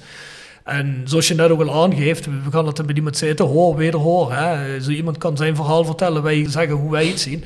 Maar ook nog iets anders van toevoegen. Kijk, als ik bijvoorbeeld een hele mooie pyro-actie zie hè, van Ultras Kerkrade, die Roda dan ook gebruikt met al hun filmpjes en foto's en dan vinden ze dat schitterend, dan wordt dat wel promotioneel gebruikt. En dan is het, oh, de mooie sfeer bij de club, maar op de achtergrond hoor je dan wel, ja, er zijn wel jongens eh, benaderd voor stadionverbod om de club op bezoek te komen. Dan denk ik van, dat is toch eigenlijk een beetje dubbel. Waar trek je daar dan de lijn? Zeg jij dan ook tegen Roda? Of zeg Roda dan tegen Nou, jou, ja, eh, Errol, luister, die jongens die hebben wel voor mooie sfeer gezorgd. Ga er een beetje rustig mee. Nou, je zegt dat eigenlijk goed. Er is in de tijd, eh, ook nog eens voor mijn tijd, is dat ook al eens ter sprake gekomen. Er komen sfeer py- pyro-acties Ja. en Roda gaat dat gebruiken. Ja. En wij gaan zeggen van, we mogen geen vuurwerk in het stadion. Dus dat ligt dan weer lijnrecht tegenover elkaar. Veiligheid en media. Kijk, media vindt het natuurlijk prachtig om zo'n beeld te gebruiken. Veiligheid geeft er een ander beeld over. Ja, ja, je snapt dat dat bij de fans, dat je dat niet kan uitleggen op die manier. Nee, nee. En dan krijg je de situatie dat je de volgende keer als jij de tribune opgaat met je clubje, mensen zeggen, ja dat is lekker dan. Roda gebruikt dit, Roda vindt het mooi. En jullie Ja. komen ons hier vertellen dat we geen vuurwerk mogen Ja. afsteken. Kijk, en dat zijn dan die dingen die wij dan intern beter moeten aanpakken. Kijk, mocht dat zo zijn, dan moet het wel teruggekoppeld worden. Kunnen we het gebruiken of niet? Want dit soort reacties krijg je dan vanuit de supporters. En begrijpelijk dan ook. Maar zou jij het nou niet jammer vinden als dat er niet meer is? Laat ik het zo zeggen. Dat zeg ik ook altijd tegen iedereen. Dat heb ik ook altijd tegen Schriel gezegd. Ik vind vuurwerk prachtig. Super. Ik kijk er heel graag naar. Stop, dat was het interview. Dankjewel. hè. Wacht even, kom nog een puntje, puntje, puntje. Ultras Kerkrade, Ultras Kerkrade, 31 december, 31 december, het eind van het jaar. bestel vuurwerk. En nogmaals, in het stadion, vuurwerk ziet mooi uit. Maar ja, jullie begrijpen allemaal waarom vuurwerk in het stadion af en toe gewoon ook niet kan. En ook niet op die manier, zoals er soms wel... eh, Nou, ik kan me voorstellen dat een club als Roda zegt, kijk, we krijgen een boete, dat kost geld, dat is financieel niet goed voor ons. Dat kan ik me voorstellen. Kijk, je hebt, eh, is dat vorig seizoen of dit seizoen? Volgens mij heeft Feyenoord in die Europa Cup wedstrijden volgens mij dan een half miljoen aan boetes betaald aan ja, wat er gesloopt is, vuurwerk, weet ik veel allemaal. Dan kun je natuurlijk bij een paar dingen kun je vraagtekens zetten. Maar dat is volgens mij ook eens een keer. Ik weet niet of dat geopperd is officieel naar de club toe of zo, maar van de andere kant ja, moet je daar niet eigenlijk als club gewoon rekening mee houden als je een fanatieke aanhang hebt. Dat je misschien zegt van ja jongens, dat moeten we op de koop toenemen, gewoon een reeks verkeer. Dat moet je gewoon willen. Kijk, je kunt, je kunt natuurlijk niet naar buiten brengen om te zeggen van ja, dat nemen we op de koop toe. Eh, ja, dat, moeten we incalculeren. Absoluut niet. Want dan incalculeer calculeer je ook boete in en calculeer je ook schade in. Dus ja, kijk, we gaan nooit van tevoren zeggen van ja, kom maar op, wij krijgen schades, we krijgen boetes, we gaan het wel betalen. Eh, nee, dat, dat gaan we natuurlijk nooit zeggen. Het blijft natuurlijk wel altijd het spanningsveld tussen de veiligheidsorganisatie en de fans. Want fans zullen dit soort dingen altijd blijven doen en grenzen opzoeken. Gelukkig zeg ik er meteen bij. Daar zijn natuurlijk ook grenzen aan, dat snap Ja, ik ook. ja. Als het de veiligheid van mensen in gevaar brengt of zo, hè, dan, dan, kun je daar, eh, dan kun je het daarover hebben. Maar ja, die, die grenzen zullen altijd opgezocht worden. Ja, zeker. Eh, Ja, daarom, maar dan zeg ik ook van, als we het doen, super, of mooi, goed. Maar als je gepakt wordt, ja, goed. Ik, ik, Dus jij zegt eigenlijk, ben slim genoeg dat ik je niet kan pakken. eigenlijk. Wat, hè? Zeg- Nou, jij zegt eigenlijk, ben slim genoeg dat ik je niet kan pakken. Dan laat ik het zo zeggen. Als je dan gepakt wordt, moet je niet gaan huilen. Nee, en, en, dat, en dat, dat is de andere kant van het verhaal. hè. Ik bedoel, ik, heb, ik mag natuurlijk zeggen dat ik heb een paar jaar stadionverbod achter de rug, eh, lang geleden. Ehm, en als je daarop terugkijkt, dan denk je ook van ja, daar zijn ook dingen bij geweest die niet door de beugel konden, waar je, waar je het voor snapt. Hè. Bedoel, eh, dat, dat is heel simpel. Er zijn ook dingen bij waar je nog steeds zegt van ja jongens, dit ging helemaal nergens over. Nu nog. Maar ja, inderdaad, soms moet je ook gewoon een grote jongen zijn. Als je in een vechtpartij zit op de tribune. Ja. Ik, ik zit er nu met mijn kinderen en ik Ja. heb er liever niet van dat ze er tussenin zitten, laat ik het dan zo eh, eh, Ja. zeggen. Dus dat is zeker zo. Daar ben ik wel met je eens. Ja, dat is goed om dat eens eh, een keer te horen van hoe er van jullie kant tegenaan wordt gekeken. Hè? Want natuurlijk is veiligheidsapparaat en veiligheidsgebeuren is veel meer een stadionverboden. Maar dat is natuurlijk wel iets wat bij de fanatiekere aanhang Ja. natuurlijk een heel thema Ja. is als jouw taak aankomt. Want jij bent er wel degene waarmee gepraat wordt, dat is natuurlijk. Heb je wel eens situaties waarbij de driehoek, en wat is de driehoek? Dat is het OM, hè? dat is Eh, politie. politie, gemeente en club. Dat is tussen de justitiële driehoek en de organisatorische driehoek is het rond zo'n wedstrijd. Hè? Heb je wel eens dat jij zegt van, nee jongens, dat hoeft allemaal niet zo extreem. En dat hun zeggen, je wel, dat moet wel. Waar jij zegt, nee, ik ken mijn fans, dat hoeft Ja, niet. ja. En waar je dan in conflict komt. Nou, in, in conflicten zijn er altijd om uit te praten. En we, zijn het natuurlijk niet altijd met elkaar eens. Dat is normaal, dat is, dat is overal zo. Eh, maar het belangrijkste is wel dat we na zo'n gesprek wel met de neuzen dezelfde kant uitgaan. En daar gaan we dan altijd wel uit voor de beste oplossing. En nogmaals, dat we dan niet altijd over eens zijn met elkaar, het zij zo. Maar heb je wel eens dat bijvoorbeeld de gemeente Kerkrade zegt, of politie Kerkrade, van nee Errol, dat doen we echt op een andere manier. Waar je zegt, ja, maar dat moet je echt niet doen, want ik ken mijn fans en ik weet dat dat afreis werkt. Ehm, die situatie hebben we gelukkig tot nu toe nog niet gehad. Eh, wat dat betreft zitten we wel vaker op één lijn. Maar op het moment dat het gaat gebeuren, ja, dan kunnen we wel eens een keer lijnrecht over elkaar staan. En dan bekijken we dan wel eh, per situatie welke kant we uitgaan. Dus het, het kan wel een keer gebeuren, maar ja, op dat moment is het, het heeft orde van de dag. Hè. Op het moment kijken we of het wel of niet. De belangen zijn natuurlijk ook anders, kan ik me voorstellen. Hè. Politie heeft er, die, die, die kijken denk ik heel erg risico, tenminste mijn ervaring in het verleden was vaak heel erg risicomijdend. Ja, ja, ja, eh, ja. En er moet helemaal niks gebeuren. Ja, dat merk je Eh, wel eigenlijk na, na de afgelopen wedstrijd. In, eh, Ja, nou ja, Venlo, eh, waarin er een signaal komt dat er supporters van de harde kern in Venlo komen. En dat zijn dan eh, onder andere Rob en ik, die, eh, die namens de podcast op de perstribune ja, zaten. klopt. Ja, daar wisten we dus ook niks van. Maar, dat, maar dat zijn natuurlijk ook dingen, dat mag je toch ook van een politieapparaat verwachten. dat ze iets meer kennis van zaken hebben, zou ik zeggen. Ja, die gaan natuurlijk ook van informatiebronnen uit. Hè? En van waar, waar die bronnen vanaf komen. ik weet het ook niet altijd. Maar ja, die zijn er dan wel. Kijk, er zijn er ook natuurlijk wel ook goede bronnen bij. Hè?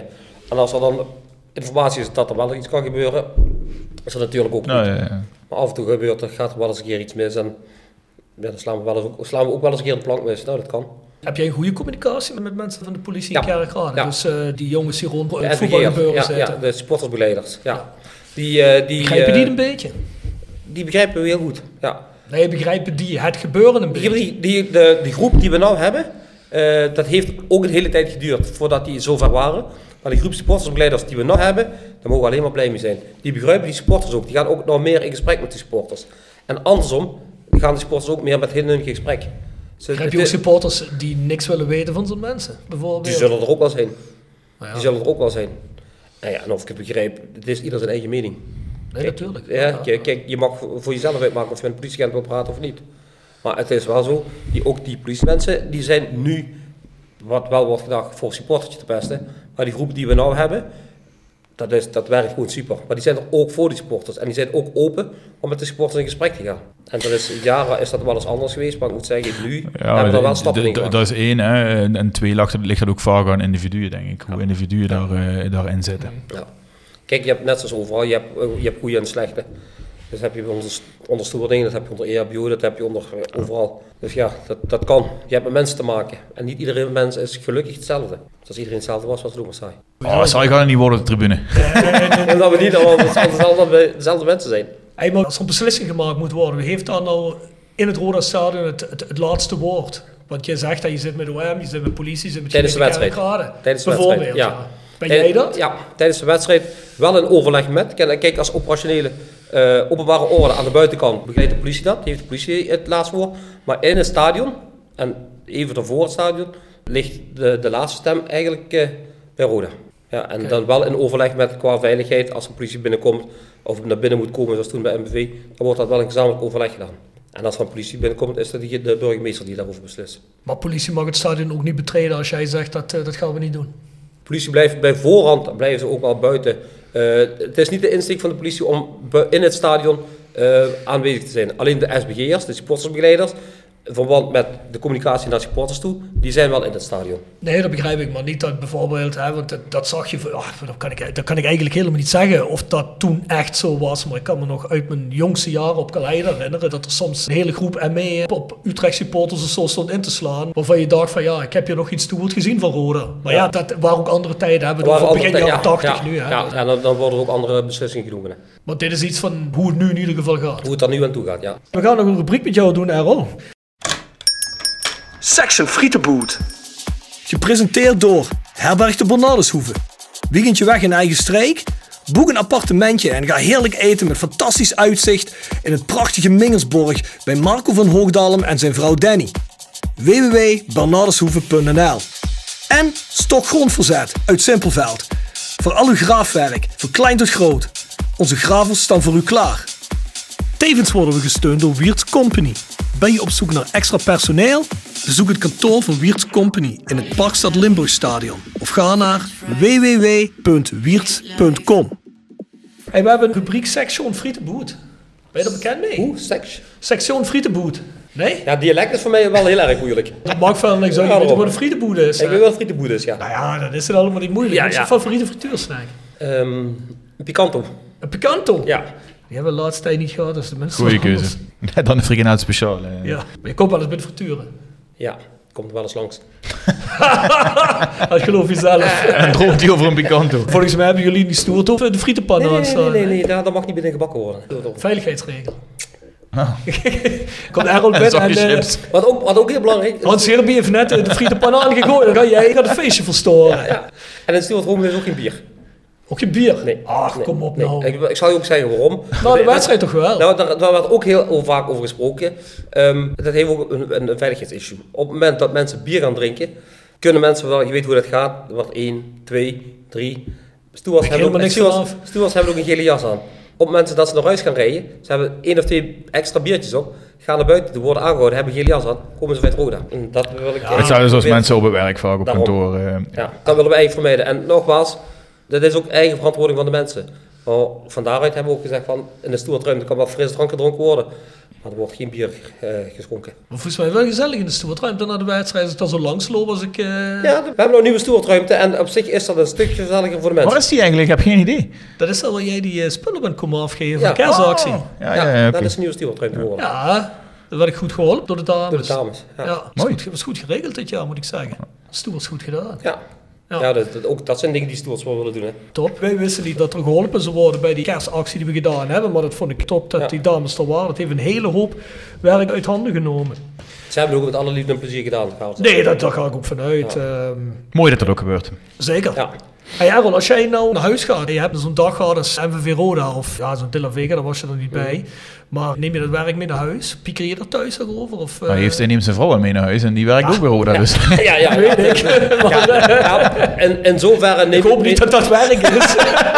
Nou, er wordt wel aan gewerkt dan, hè. ja, dat is wel Ja, anders. ja. Nee, ehm, ja, je neemt het wel altijd mee naar huis. Je, je legt het ook niet zomaar naast je neer. Absoluut niet. Maar het moet niet zo zijn dat het thuis dan ook leidend is. Op een gegeven moment is het dan ook klaar. En dan leg ik thuis ook naast me neer. En dan praten we er ook niet over. Dan ga ik wel weer over tot de orde van de dag. En ja, want ook dat is wel belangrijk. Want ik heb thuis nog twee kinderen lopen. En die hebben dan ook een aandacht nodig. Ja, die hoeven ook niet alles over het voetbal mee te krijgen. Nee, begrijp ik. Dus als gezegd, vrijdag beginnen de uitwedstrijden weer. Had je de laatste anderhalf jaar? Ja, er zijn natuurlijk wel wat uitwedstrijden tussen Ja, ja. geweest, maar heb je nou de laatste anderhalf jaar zoiets gehad van, oh, ook wel even lekker rijden. Als ik dan moet gaan, dan alleen maar is- ja, ja, het, en het dan is wel hoeft de mensen niet meer naar Ja. weet ik veel wat te Ja, rijden. het, is wel, het is wel anders eh, zonder publiek. Het is wat, wat relaxter, wat rustiger. Maar ik heb toch liever de supporters erbij hoor. Dus jij verheugt je op vrijdag. Ik verheug me zeer zeker op vrijdag, ja. Ik vraag me af of Hans zich ook verheugt op vrijdag. Wie? Hans. Hans? Hans Silby, Hans Selby. onze vaste busbegeleider. Ja, ja, ja. Ja, die zit erbij. Ah, Hans kan het goed hebben. Ja. Volgens mij eh, heeft Hans er wel zin in. Hans heeft er altijd zin in. Maar volgens mij is Hans ook een van de enigen die op die bus kan zitten. ik, eh. Ik heb wel aangegeven, van, dan moet iedereen op die bus zitten. Dat heb ik vroeger ook wel eens gedaan. Maar het gaat gewoon erom hoe je met elkaar omgaat. Maar nogmaals, Hans heeft misschien wel meer een streepje voor ten opzichte van de rest. Moet ook niet altijd kunnen, Ja, we moeten daar eens het programma van bespreken. Want vroeger moesten mensen zich dan ook bewijzen hè, als steward. En die moesten een bier rondbrengen en zo. Dat wordt altijd minder. Eh, Dan moeten we toch weer eens eh, een programmaatje voor elkaar draaien. Laat maar zo- laat maar zo. ik denk dat Hans er wel niet meer voor te porren is. Nee, nee, Hans. Ik denk dat hij zegt fuck you. Ja, vlieg erop. Ja. Want daarvoor respecteren de mensen hem ook Ja, dat precies. fuck you zegt. Dus, eh hey Bo, heb jij nog vragen? Nee, ik heb geen vragen meer. Dan gaan we Dat de een, allerlaatste categorie met jou doen. En dat is kogels terugkoppen. Oh ja. Kogels terugkoppen. Gepresenteerd door Van Ooyen Glashandel. Sinds 1937 vervangen en repareren wij al uw glas met veel passie en toewijding. Met 24 uur service. www.vanooyen.com En Quick Consulting. Laat finance waarde toevoegen aan je organisatie. We komen graag met je in gesprek om aan de hand van concrete voorbeelden duidelijk te maken hoe we dit ook binnen jouw onderneming kunnen realiseren. Think win-win, think quick. www.quickconsulting.nl Tevens gesteund door Roda Arctic Front. De Voice Kort van de makers van The Voice of Calhei. Na- en voorbesprekingen van elke Roda-wedstrijd, KKD en Roda-nieuws. Stemmen rond de wedstrijd en de column van Jasper. Steun ons en abonneer je nu voor iets meer als een euro. Op petje.af, schuine streep naar voren, The Voice of Calhei. Hey, als jij nou iets hebt in je leven, vanuit het Roda gebeuren of iets anders, van je zegt, dat had ik anders gedaan, dat had ik over willen doen en op een andere manier. Of als je zegt, ah, ik heb alles gedaan, ik heb van niks spijt, heb je misschien iets waarvan je zegt van, dat was zo ruig, dat zou ik nog wel een keer opnieuw willen beleven. Heb je zoiets? Iemand zijn leven gered. Sorry? Iemand zijn leven gered. Ik hoop dat je dat wel wil overdoen en niet Ja. anders willen doen. ja. Ik heb eh, drie jaar geleden heb ik een, een kameraad van me nier gedoneerd. En die zat heel slecht. Eh, dat ging heel erg slecht met hem. Die zat in de, in de, in de om een nier te krijgen. Hij zou eerst van zijn eigen familie krijgen. Dat lukte niet. Toen heb ik gezegd van als het niet lukt, ga ik dat voor je doen. En toen kwam zijn moeder aan, die lukte het niet. Toen vroegen ze van, je hebt het toen gezegd, doe je het ook? Toen heb ik gezegd van, ik heb het toen aangezegd, je blijft ook B zeggen. En ik heb mijn vrouw en kind erover gehad, die hebben ook gezegd van, als je dat wil doen, doe je dat gewoon. Ja, en daardoor eh, heb ik drie jaar geleden heb ik hem een gedoneerd. En hij gaat naar zijn trein. ik zou het zo weer doen.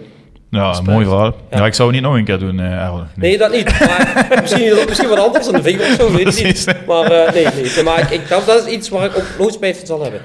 Ja, mooi verhaal.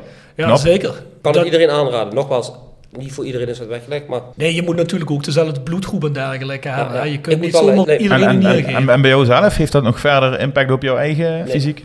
Nou, ik, het is wel zo, na die operatie heb ik hier een, ik, ik zie ook een aparte bult aan overgehouden. En ja, ik moet nog eens een keer teruggaan naar het ziekenhuis om te vragen of ze dat nog ooit weg kunnen halen. Littekenweefsel. Ja, ik wel, ja. ja. Het is echt, echt een flinke bult geworden. Maar voor de verder rest, ik heb er geen spijt van de kant en eh, hij gaat naar zijn trein. Hij leeft weer, hij, kan, hij heeft zijn eigen bedrijf, dus eh Oh, mooi. super laten gaan. Super. Mooi. Ja, heel veel respect. Ik denk dat dat toch een mooi iets is om mee af te sluiten. Ja, Moet ik ook zeggen, dat is de beste coach terugkoppen die we gehad die we hebben. tot nu toe gehad hebben, absoluut. Ja, Top.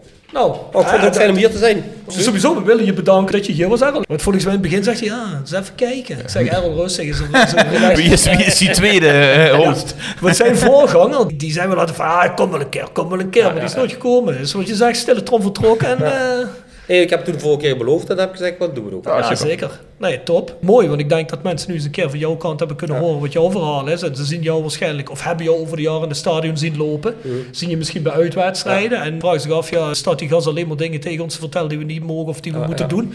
En wat zit erachter? Dus ik denk dat dat eens goed is geweest. Dankjewel. Rob. Ik ga de sponsoren aftrappen. Ben je dan toch in een situatie geweest dat Errol je niet meer kon helpen en een stadionverbod heeft opgelegd? Bel dan met Jegers Advocaten. Next Door Hair Nail and Beauty Salon. Daar moet je voor andere dingen... Ja, moeten moet andere dingen natuurlijk, dat klopt. Ja, ja, ja, dat loopt niet door, hè, dat goed. Nee, nee, nee, nee, nee. Hotelrestaurant de Veilerhof. Herberg ter Bananenshoeve. Noordwand. www.gsrmusic.com Stokgrondverzet. Rapi Autodemontage. Van Ooyen Glashandel. Quick Consulting. Wiers Company. Fendo Merchandising. Nederlands Mijnmuseum. Marimi Solar Heerlen. Rode Support. PC Data. Metaalgieterij van Gilst. Willeweber Keukens. Celexpert.nl. En Roda Arctic Front. Roda fans uit Scandinavië. Ons mailadres is thevoiceofcalais.south16.com. Onze website is south16.com. En wil je extra content? Nou, dan doe een duit in het zakje en ga naar petje.af. Schuine streep naar voren. The Voice of Calais. Tot de volgende week. Tot de volgende keer. Kijk uit met de pyro-acties.